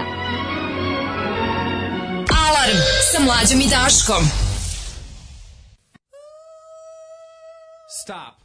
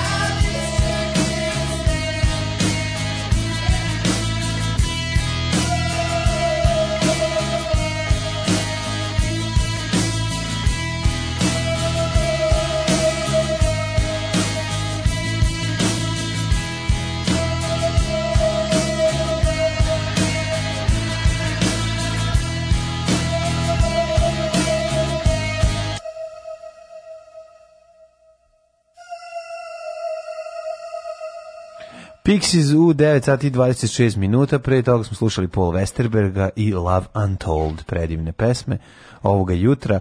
Pokušao sam da pronađem one... Kaže, e, joj, Pixis, volim vas, hoćete ići na koncert na Tašu u septembru, ja kupio karte pre tri meseca. Ljudi već kupili, bre, čovječ, to je posao. Mm, kaže mi podrum piće ciroza negde kod Valjeva. Ponovo ste na FM u moje kancelarije 92,7 MHz, ne verujem da se čujete van čardaka. Čekaj, da li si ti to pokrenuo piretsku radio stanicu pa nas remituješ ovaj preko ne, nekog malog ne, predenika ili si nas natakao pa na, na mali predenik pa na prazno našao. Da, ili si nas natakao na onaj sender pa koji, koji nađe praznu frekvenciju Pa to je, to da. to je slatko, jako, to je super, super fora. to je da. super, da, da. Eto je nas malo na FM-u da Kaže, ja bukvalno ne znam kako psihički da ponesem činjenicu da se u mojoj državi formiraju ulične fašističke paramilicijske jedinice, to me čini užasno anksioznom, počinjem da se osjećam zaista Uh, počinjem da zaista osjećam problem, imam potrebu da nešto uradim povodom toga, ali ne znam odakle bih krenula. Nađi ljude koji slično razmišljaju i organizujte se to je stara, ovaj, znači, nemojte, kao, e, nemojte kukati organizujte se, sve se može rešiti tako što se ljudi, što bi rekao Joe Stramer, people can do everything, samo treba se organizovati. Znači, sigurno postoji, nisi usamljena, nisi usamljen, postoje ljudi koji slično misle, dogovorite se, ali šta je jako važno, nađite se negde. Mm -hmm. Znači, dogovorite se da se pojavite negdje i razgovarajte i neke ideje će vam pasti. Ako ništa drugo, nećete poludeti. Znači, nemojte napraviti Viber grupu, nego i tu kafanu. Mm -hmm. E, to je jako važno. Znači, nemojte napraviti grupu za sve na telefonu, nego nađite se preko grupe, to je u redu, ali onda se nađite i, mhm. i vidite šta ćete. Eto, to je moj savjet ovako, za očuvanje zdravog razuma i održanje e, aktivizma. E, o, bacio sam rekordan, rekordan broj mrštova na Facebook, što neko reče. E, nemojte tako, nego... E, e ona pesma, što, ja i meni se drago što sam, ovo sam razmišljao koja bi to pesma mogla biti. Pesme koje se plašio. Ove, zove se Man with Harmonic, a to je ovaj izbila jednom na divljem zapadu. Ono, da, ja kad krenem da je pevam, uvijek pređem u, u ovaj variolu veru. Pa da, da, da, da, da. Ali nije. Jeste, krene meni harmonika, a Redžepi doti frulu završi. A da. meni ono, da. naš muzik. A znam tačno na koji se muzici radi, da. To je, to je čuvena čuvena um, okršaj muzika, znači ono čekaš ko će prvi, muzika. prvi ko će prvi da, poteći. Da, muzika za podizanje. Charles Bronson kad svira, da, to je ovaj sjajno, sjajno u, u ovaj bilo jednom na divljem zapadu. Nego Daško. Ova tema o tome, o golom čišćenju, e, nisam je pronašao, pronašao sam neku drugu, ali... Ali si očistio, mislim, svaka ti čast. A, da. Ja ću kažem da je odlično odličnost, iako verovatno obučen pripravo. Stranac je bio u pitanju, znači nije kod nas, ne znam da li ta opcija kod nas postoji da se ovaj, uplati golo čišćenje, ali fora je bilo da... Uh, se to zakonski zašto, zašto je ova cijela priča važna, jer... Um, Ovo je otvaranje novih radnih mesta. Naravno. Što Srbija, jel da ide Kako rekla mi Pet, That man opened a new, created new jobs in all black community. kad je dao... Kako 10 to? dolara da mu... Kad je imala 11 da, godina. Da je imala 11 godina, užas. I, original kolu. Užas. That e, man created jobs in black community. Pazi, ovo, ovo je malo druga priča, je zato što, zato što postoji firma koja angažuje. Znači, pa što dokle to ide Firma da. angažuje i zara uzima nešto ono, pe, ono 150 evra, da. um, 150 evra košta Čekaj. golos kroz čišćenje 120 i samo u toplesu, to a ti dobiš 100, što nije loše, oni uzmu samo dobiš 20. Dobiš čisto 100, nadam se, mislim. Stotka. Dobiješ, neću samo dobiti 100, hoću da bude ispod stola. Očisti ona za prave. Da. Nije ono da ti kao samo dobro izgledam pa kao lažno radim. Ne, ne, ne. Sisata sam pa ono da, si manje. Da, ja, pa onda služim da, u prljave čaše. Ja, ću u Evropu i Kosovo. Ne, ne, ima sve. Da, da, nemoj biti sisata i dati prljave čaše. Ne, to, ne, to ne. možda prođe jedno veče. Da. A kad jednom fasujem upalo grla, tvoje sise mi neće pomoći. Pa pomoći će ti. Pa, dobro. malo, da mi bude Šta je? da, da ulaže, da ulaže, ja ti, da simptome. Ajde sad ovako da te da ti da jedan Sofin izbor, da Ajde. daletov izbor. Daj Sofin izbor. Hoćeš prljave čaše i sise i prljave čaše bez sisa. Pa naravno, ovo je baš... Pa to nije Sofin izbor, to je ono... Daletov izbor sam da, rekao. To je ono... Ili ćeš čiste Možda... čaše bez sisa. Možda da te prebijem, da ti dam 100 evra, samo te prebijem. Pa ne, ponudio sam ti lepo, ša, druga, da. druga opcija je. Koje znači, čiste čaše... Sa sisama? Be, bez sisa. Ne, ne, ne, čiste čaše su sa čiste čaše su bez sisa, prljave čaše su sa sisama. Hoću čiste čaše. Bez sisa. Bez sisa. Pa naravno, mislim. Dobro, okay. Sam ja svoje zdravlje na sisama našao. Dobro, ali si ga tamo ostavio. Jeste, Ove. istina. To je istina. ali, pa, ko, to, mislim, taj način, to je, jel da to je fetiš? Možeš se reći da je fetiš? E, pa, verovatno jeste. Ako neko ali to je potpuno, to, da je to potpuno legalno. Tako. Mislim, ako su striptiz barovi su Srbi legalno. Ali ovo nije skuplje od generalno od sata čišćenja u ove, ovaj, kod no. Da, nas. Ma, Kako je, znaš, ja ću ti kažem, ja mislim da je čišćenje stana jedna od onih stvari koje još nisam još mi nisam ovaj nije još postalo koliko god da traži osoba koja čisti stan ja sam da. u dajem da, što da. to nešto što toliko mrzim da radim. Yes. Da ono kao spreman sam da to to je to je za mene ne samo ono kao labor saving što kažu, nego mi je ono kao kupio sam još i duševnog mira, ali ja imam stvarno problem kad nešto radim, to kad nešto drndam po stanu, meni izluđuje momenat dok stvari kad sam sve izmestio. No. Da. I u tome ono to me baš onako nervozi me. Mm. I onda mi je bolje da se skonja to ne gledam neko to uradi za mene, to je kao da sam platio, naše piece of mind ono. Yes. To mi je nekako tako, ali što se tiče razmišljam kako to, mislim, to bi trebalo da je skroz legalno, tako. Mislim, u našoj zemlji to je neka vrsta striptiza je tako? Pa, vi nemate, mislim, kod nas je seks za pare zabranjen. Tako je, ali ovdje nema seksa. Ukoliko ga niko ne snima, to je isto genijalno. To je genijalno. Seks čekaj, za pare... Gledaj, ti ako recimo uzmeš... Pa pazi, aj razmisli malo ovome. Da. Uzmeš, uhvatite, uhvatite s prostitutkom. Ti ona ste, mislim, ti ona ste krivi, on, nažalost, ona je više kriva, što nije fair. Ne. Da. Ovaj, I ovaj, trebalo bi da ste obolje krivi. Mislim, Što, što više možda bi trebalo da je kriv onaj ko, ko ovaj, kupuje. A ajde, dobro, ajde da kažem da bi fair bilo da ste oboje krivi. Kod nas je kriva samo. A dobro, čekaj, u slučaju da ti recimo voliš da ona nosi strep-on dildo, onda je ona kriva više. Ne, krivi onaj ko je krivi, onaj ko je uzo pare za seks, tako, tako je po našem Da, da. E sad, to nije u redu. Ti na primjer prostitucija je ilegalna u našoj zemlji i oni koji osobe koje se bave prostitucijom za to odgovaraju pred zakonom. Ukoliko U, čekaj, Recimo moram da idem.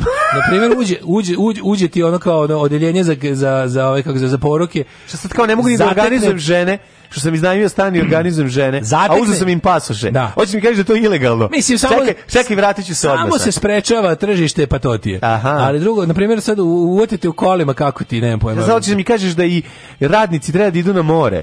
Ili to hoćeš da mi kažeš? I to oni i to oni, ovaj, I to oni koji koji nisu koji da nemaju normalno. velike plate imaju manju da. kvalifikaciju. Što sad treba ono um, nisko kvalifikovani radnik kude da ide ovaj svet, da, da. Sad čekaj, moram da ne, da prekinem sve. Ovo. Da. da. ali slušaj, mm -hmm. na primjer, ukoliko te policija uhvati ovaj u kolima kako si sa ono jel prostitutkom ili prostitutkom mm -hmm. ili prostitutkom, jedno Prostitutko. jedno je prostitutak, jedno je prostitutka. Tutko. Ne znam šta voliš kad ideš kod kod, kod kačke petlje, uglavnom uvatite s time prostitutka.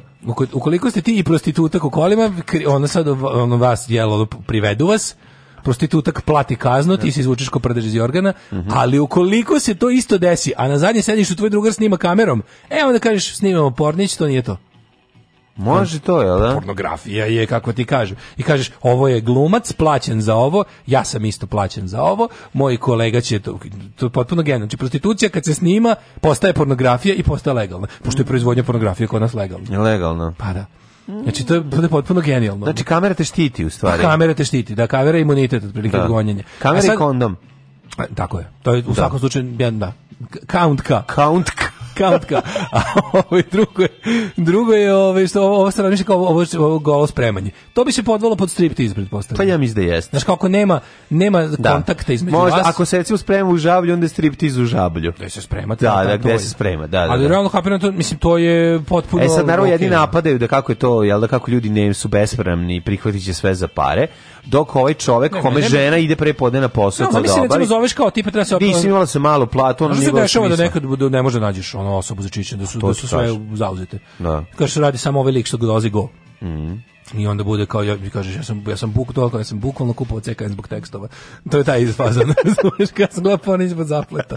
Ja gledam porno zbog zapleta. Tako je obilo, mislim, kao Da, jednostavno ne. Stvarno niko nije imao ko da, očisti kuću. Da, da. Bio samo ovaj lik što nosi svoju metlu. Jeste, ali mislim naš cene su, mislim, dosta su visoke. visoke Generalno su te... Pa. pa prvo, znaš da, ja imam, imam i razumevanje. Da. Ne samo što ti tu imaš to užitak. Da, prvo, ja ne bi to mogao, jer ipak, da. ako je to zaista, ako je to zaista... Ovaj, Treba se zavući svuda, problem očistiti. Problem je što ja to ne bi mogao ni da ako, budem ni, ni, ni ovaj... Pa ni to je ono lažno, početak pornića ne, čišćenja. Ne, ne, ne, ne, to je ozbiljno, to je heavy čišćenje. Što reče jedan moj prijatelj, kaže, mislim, od kada da. su ovo krenula masovna bežanje iz Srbije, da. sad u nemačkim pornićima se stvarno raznese pica i sredi bašte i popravi, mm. ovaj, i popravi se cev pukla kad, kad snimaju pornić. Naši ljudi ljudi stvarno idu da rade tamo. Dobro, ljudi Ako usput izbije pornić izbije. No, mislim, znači, nekako, u novim mlađe generacije to i traže. Kažete, no, od kad, od kad je ovde... baš verodostojno, hoću kad mi dođe da pravi majstor, čovjek. Od kad su otišli ovi, da. hoće taj to to je kao što imaš girlfriend experience, da, nešto da, da, da. plaćaju da im prostitutka glumi emotivnu vezu. Suru, da, da. Tako i ovi sad kao kad su od kad su naši majstori otišli sad stvarno kaže kad se snima pornić,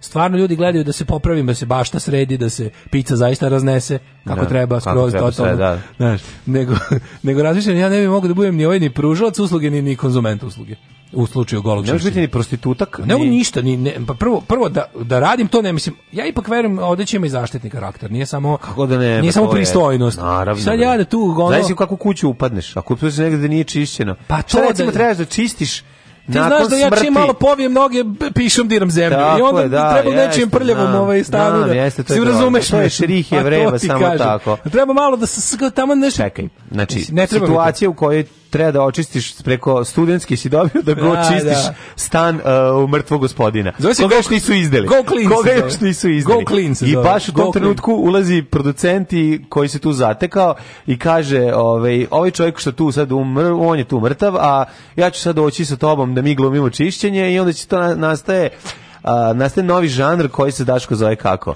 Pa ne znam Mrtav da- čovek i dvoje imaju seks pored njega. A to je da neki... da ima to, ima to, to je to postoji na. A ima, al to bi nekako bilo kako bi se to zvalo? To je neki pa To je kao seks ispred čoveka. neki nekro. Da, nekro, da. Pa, da, mislim ima neka ne, erotika, pošto nije baš pošto je mrtvi gospodine učestvuje aktivno. Ne učestvuje, pa to ti da. Dosta je sprečen da bude aktivno na bilo koji način, niti je objekat vršenja radnje, ali da. neka nekro, neka nekro, nekroerotska. Meni je najbolje što me, na, jako, jako me zanima kako ide platni razred čoveka koji glumi, ovaj verovatno isto plaća taj što glumi mrtvog. A misliš da sa odglumljenom da, nekim? Da, da, jako zanima me. Sa legalnim tim što glumataju? Pa da, što glumataju, da, da, da. Ne, da, ne, su mi oni sleeping fetish, to je najče boleština. Da, Sve da, te da, majstori što, je užas, da. što vole kao, kao, kao riba se pogovno riba. Se pravi da spava on kao to nešto. Ono. Ne, ali A ja sam u fazonu kao izvini, ovaj, ali... šta ti to imaš između nogu kad ni ne probudiš ženu? Ala ti vera. ne, druga je ovaj kako se zove, ali kažem ti da li taj čovjek što glumi da je mrtav u tom ovaj odnosu? To je ovaj, novi nivo, to je novi nivo. Da li taj čovjek je isto plaćen kao muž u porniću koji odlazi na posao. Ja mislim Verovatno. da to nije fair, nije fair. Ne. Što? Izvini, mnogo je teže. Izvini da ti se dvoje drnda oko tebe, a ti da glumiš semafor u Šangaju. To je, to je mnogo. To je teže nego samo izaći iz kadra. Ali o, ovaj, drugo, kažem ti, ne, ne, Ali duševne boli. Duševno boli čoveka koji glumi da moj, da mu žena s drugim. Ne bi mogu da me goli čistač, a drug ne bi mogu ni taj jer ja stvarno ako će stvarno da bude čišćene.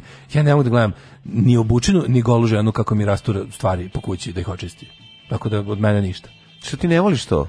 Pa ne mogu ja kad pravi haos po. Meni kad dođe ovaj da da očisti ja ja pobegnem. Ja ja odem odem izmislim negde budem 3 4 sata samo da ne gledam kako to sve je rastureno, me to u nervozi jako. A obučene. Idemo u avijaciju. Kuda? Na Napoj konje Dalibore. Radio Daško i Mlađa. Prvi program.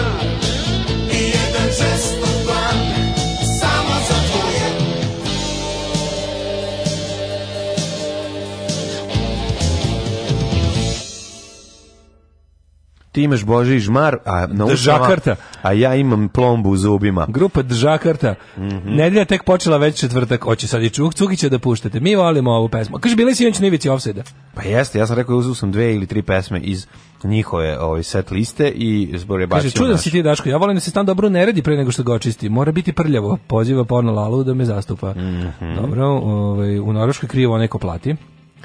Pa onda to je ovaj, kaže terajte ljuljju iz kamenice sa nas organizirku čistačica. Prvo dođe i vadi krv, to je čupa info, pa onda priča kako dobro živimo i onda pošalje jako slabo plaćene loše čistačice. Kaže sinjo direktor škole u kamenici. ovaj čuvajte se užasne kao kancer u obliku brižne ujne. Dođe s kirbijem i kažeš idi čisti drugu sobu, ostavi mene u sisivača sam. o, ove, kaže, u Jacqueline Kirby, kada ono plavo svetlo magično zasvetli, pa to smo Organizovano promovisanje građanske hrabrosti je neophodno u Srbiji. Postoje hrabri ljudi, samo im treba dati savjet i podršku da reaguju in real life i na društvenim mrežama Zavladalo je mišljenje da je hrabar isto što i budala i na to i to na tome se treba praviti. Tako je.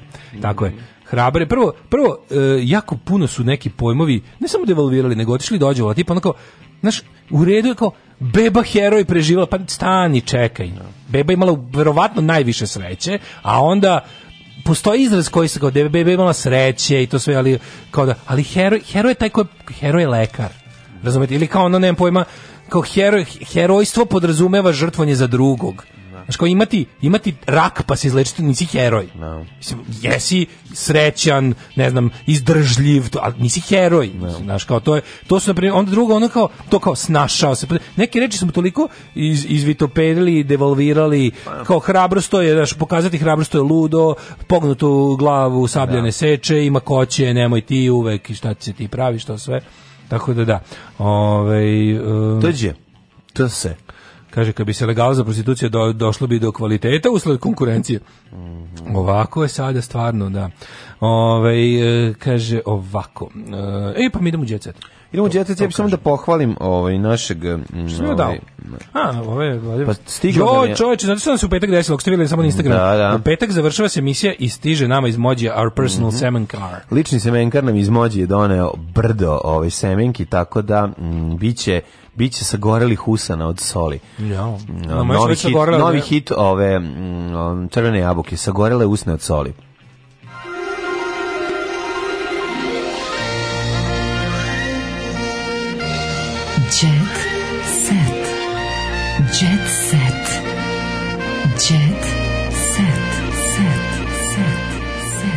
Ja ne znam šta mođe, ja ne znam šta mođe sve proizvodili, ja mislim da imamo od po jedno od svega. Znači, od svoje smo dobili, da. Što da. mlađe ja ove takozvane tajsonke semenke, ove da, da. modetski genifikovane da budu veće mm, ovo, i lakše za Ovo je pečeni slani badem, ovo je jako lepo. Pržim Kaže, molim vas sada heroj od ritma nereda. Ajmo, pa to, upravo mi je to palo Ili diskretni heroj od Beogradskog sindikata, mm -hmm. mislim, mhm. ima to samo. Ajde, molim. Lepa vrena mi je nudila pomoć, ali da joj dam 40.000 maraka. Šta ko, kako, kome, zašto? Mina Kostić iskreno u životu i karijeri. Mislim, malo me zanima karijera Mine Kostić, ali... Ajde. Ali me i šise Mine Kostić. Voliš to? Pevačica se vratila na scenu posle duže pauze, a sada otkriva kako je snimila i prvi e, CD i koliko je zarađivala od kriminalaca koji su je slušali. Opa. Jeste, Mina je jedna čudna devojka, da. kako bih rekao. Ona je imala, ona je, ona je prošla baš onako, ona je imala heavy childhood. Jeste. Ona je onako. Kaže, dobila ćerku pre 11 godina, povukla se sa scene, kod tvrdi da nije bila njena krivica, priznaje posveđa, bla, bla. Kaže, njen bivši suprug Igor Kostić, um, angažman u spotu ima njen bivši suprug, aha, čovek moj, pusti kako malo zanimljivost. Iako su se razišli, ostali su u dobrom odnosu i čak su nastavili da radi. Volim balade, imate dete, pomaže li on finansijski, naravno, dođe i da, da mi novac dođe i pomogne finansijski. Ili dete to kupi šta treba, kako ti je pao razvod, kaže, pao mi na nogu, mnogo sam na to teško podnela, patili smo, pa onda govorila si da se u detinstvu živjela skromno jeste, ali sam od 16 godina zarađivala nenormalne novce. Radila sam s Bekijem Bekićem, Time Kičbea. Janetom, da ne pričam o kriminalcima, 90-im sam pevala u Kaleđerici kad sam došla, šokirala da, sam se gde treba da peva. popularnom Mhra. Njiva. Tri meseca smo tu radili, to je držao pokojni e, Karanfil. Fuk. Sami si karamfila. Isto, to je bilo si sam, mesto. Ja hoću, ja hoću Karanfila, da, da ću da znam nešto. To je bio čovjek iz podzemlja koga su svi znali. Ne o, pa to neki Migito. Sveta kriminala, to je neki Migito, čovjek iz podzemlja. tamo nije bio. Bila sam zaštićena ko Belini medved. Kogod uđe, ja počnem da pevam njegovu pesmu, a on samo, oni samo vade lovo. Ovo radilo se od 9 uveče pa do podne. Kako je bilo na slikim za sve ima neke lepe uspomene? Kaže, jako, ne plašim se koronavirusa, puši samo port, Koti još dolazio na nastupe, kad sam se gde je ovo bre, sam, sam Ej, mi smo minus, tekst? sad sam se setio, minus smo slikali u ne, ne, ovome. šta je sa, šta je sa? Ej, minus smo slikali na stadionu Partizana, to je bilo da. baš dobro. A čekajte, pitam nešto. To je bilo super. Šta je sa lepom brenom koja je tražila 40.000? Mene, mene to zaintrigiralo, sad ne mogu da nađem ovde. E, da, fali taj deo, čoveče. Ono zbog fali čega smo krenuli, da čitamo ovu tiradu. Ono. Koti dolazio na nastupe, kaže. Ja ću postiti još malo ovih, ovih Sale, pa saček iz, iz, sa, izdrži još do kraja emisije, molim te, budi profesional. Ljudi ne vole kada neko mljacka u mikrofon, to je dosta aprijatno. Kaže ovako. Nije neprijatno kako neko kaže aprijatno. Uh, Marina i Futa Sale Popović su dolazili kada mi neko kaže da lepo pevam, kažem znam hvala. Sećam se da je Brena kad sam pevala u Švajcarsku pitala odakle sam, kažem iz Beograda, pošto, je, uh, pošto su pisali da sam iz Orašja. Rekla mi je donesi 40.000 maraka i ja ću da ti pomognem. Onda zna Prežu i Nenada. Verovatno. Možda sam i mogla da ih, ali ne iz velikog, samo iz Orašja. Koliko Možda sam i mogla da ih sakupim, bila sam najskuplja pevačica, ali nisam znala da ih uštedim, ali desilo se ovo kad treba. Znači, Brene tražila 40 soma da se ona uključi u proizvodnju nje kao da se uključi u da? njeno pojačalo. Pa da, ne, nego da nju da napravi od nje svetska, svetsku mega e, zvezdu. E, Kije Kockar kaže da je uveren da će Radanović karma vratiti sve slobi, želim da moj brak uspe. To neko, kad kaže kao želite moj u prevodu kao on padne iz stepenice i ona udari se u sifilis. Nije takva Kije, mislim. Ne želimo ništa loše, neka i on i ja odgovaram za svoje postupke. Luna mi ne uzima hleb iz usta. Slobara Sloba ima novu ribu Jelenu Đurićan. Kako su dobri, kako te Sloba čoveče. Nikako da divno plastična žena iz mm e, preslatke. Sa tim ono, slavica čista ljubav. Slavica čukeraš. Ovo je Da, da je vidim. Pa vidi novu ženu Sloveranđu. Viš, sve je dobro da njoj, vidi. Pa da. A viš taj ono, dje, taj čebre, a, čebe, pa čebe da, prslog dugački. Čebe, ono, ćete će. Predivno. Da, da, da. To da. je to, viš, ta usta od 50 evra, mm, to sve mhm. obloženo. Mm. E, Slavica Čukteraš, svađa se s fanovima. Slavica Čukteraš razvila se od golmana Vladimira Abramova, a od tada ne prestaje da dobija neumesne komentare kaže prepucava se kao puštena slanca s, m, samo si za seks poručuju i fanovi i tako baš su ovaj pokvareni. E, Aleksandar Mladenović je zbog posla ostavila ljubav po strani, sad ću da saznam i ko je to. Jedna je najtraženijih pevačica. Đani dolazi na Blitz poligraf, a Luka je odvao Sofiju na safari u Madrid. Tople, Kako to može? Tople, Češ da te ovaj- vodim skijanje na podboru? Pa može. Safari u Madridu. Može, ono. Može operu da ti skijem sa Zoltan da se kupam i ljubom. Želim da nađemo majčine kosti, topla ljudska priča. Samo Nataša može da bude na kolenima, Sergij Trifunović polno neprican. Sećaš se one epizode Sergeja Trifunovića Tko je? i, i Nataše Bekvala da. da. je bilo, ono zbog da jedeš govna, znaš taj da, čovjek. Da, da, da, da, da, Tako da, ovaj, e, želim opet da budem s tom. Miljana izjavila ljubav Gastosu. Ovo mi se sviđa, Miljana i Gastos. To su srca dva. Tako, ljubili se. They kiss, they hug until half past one. Kulička i, i, i Gazdos zajedno. Porodični klanovi osvojili Hollywood, e, dobro unovčili nasleđe i talent. Ja ne vidim šta je tu problem ako uz nasleđe ide i talent. Evo, da ova lepa Spielbergova čiji oči u da ide. I Čača je podržao. Mislim da ona je usvojena. Spielberg ima nešto svoje, nešto usvojene dece. Ova jedna pa kaže... Pa dobro, tomu nije ono kao... Pa što ga ne, pa mislim da čekaj, to ne. Čekaj, usvojena u smislu da im on da im je on samo kao otac koji šalje lovu ne, ili čerka koja živi ne, ne, kod živi, njega živi, na gajbi. Živi, živi, živi, da, da, da. Spielberg ima, ja mislim, ima nešto, nešto, nešto biološki dete, nešto usvojeno. Sad ova da. jedna usvojena hoće da se bavi spornići i Čača rekao, you have my blessing, chase your dream. I Čale mu, ja you have my blessing i upalio dream, kameru. Dream, dream catcher. Upalio Čale kameru. Daću ti samo čekaj, savete, slikajte od dole da izgleda veće. Mm -hmm. uh, uh, e, glumnici... Da li će ona sad možda tražiti od Čaleta a, da se da snimi porno verzije njegovih pa hitova. Da, pa da, DP, vanzemaljac. DP, vanzemaljac. Sada prebacimo sve što ima, da, da čerka uzme kao čaletovi hitovi. Duboke ralje. Da, duboke ralje, Deep Joes. DP, vanzemaljac, bliski da, da susret, da, analne vrste. Seksi vrste. Analne vrste. Analne vrste, može to. Onda može... Uh, da, da, da, onda da. Uh, e, koji još ima dobar? Da, da, da. Ne znam. U, ima sam odvratan. Da, da. Schindler's ško... Fist. Schindler's Fist, da, da, da, da, da, da. Meni bilo rokova lista. Schindler's Fist, grozno. Schindler's Fist, grozno, da, da, onda čekaj. čekaj e. Može ono s konjem, kako se zove, War Horse. U, Horse. to je dosta jako. Tu može i Čičulina da uleti. Porn Horse. Porn Horse, može, može. Ajmo dalje. Artificial Shall insemination. kao isto AI. Artificial inseminate, kao artificial intelligence. Daješ neku listu, daješ neke njegove filmove, no, ovaj, e, zaboravili. Kako se je prvi, e, može Anal Duel. Da. To je prvi njegov film. Anal Duel. Onda čekaj, šta će još da snimići? Da nadvisi oca, da nadnizi oca. E, šta je on imao? Čekaj, čekaj, čekaj. Ima ovaj... E, pa Gunisi to Spielbergovi? Yes. Nisu. Jesu, nisu Spielberg. to producenta, ovaj... E- da, onda tu može, pazi, tu gde su oni Lukas, tu može i Vuki da zavramo. A, da, ne idemo samo gde je režiser. Samo gde je režiser Spielberg, da. A, e, koji još ima, što to stao mi mozak za... Ovo je Empire of the Sun. Da, da, da. Empire pa of the Sun. A dobro, to može neki Japan. Ono. Ma ne znam, ono. Za po... To je već Japan sam po sebi to. Da. to, to je već sam Japan, to, to, to je već sam Japan, to, da. Tako da, Mislim, eto, otvorit ćemo pa na samo IMDb, sebe snima, otvorimo na JBMTR, IMDB, da vidimo da. sve njegove e, filmove. E, Jurassic Park. Može, da. Šta da. to može? Ja. Da. Jurassic pa, Park Jurassic. doba piše neki tako. Oh, da, da, pa Park iz doba kure. Kure može, rešili smo. Aj, čao. Oh. Tekst čitali Mladin Urdarević i Daško Milinović. Ton majstor Richard Merc. Realizacija Slavko Tatić. Urednik programa za mlade Donka Špiček. Alarms svakog radnog jutra od 7 do 10. Oh, you touch my tra-la-la.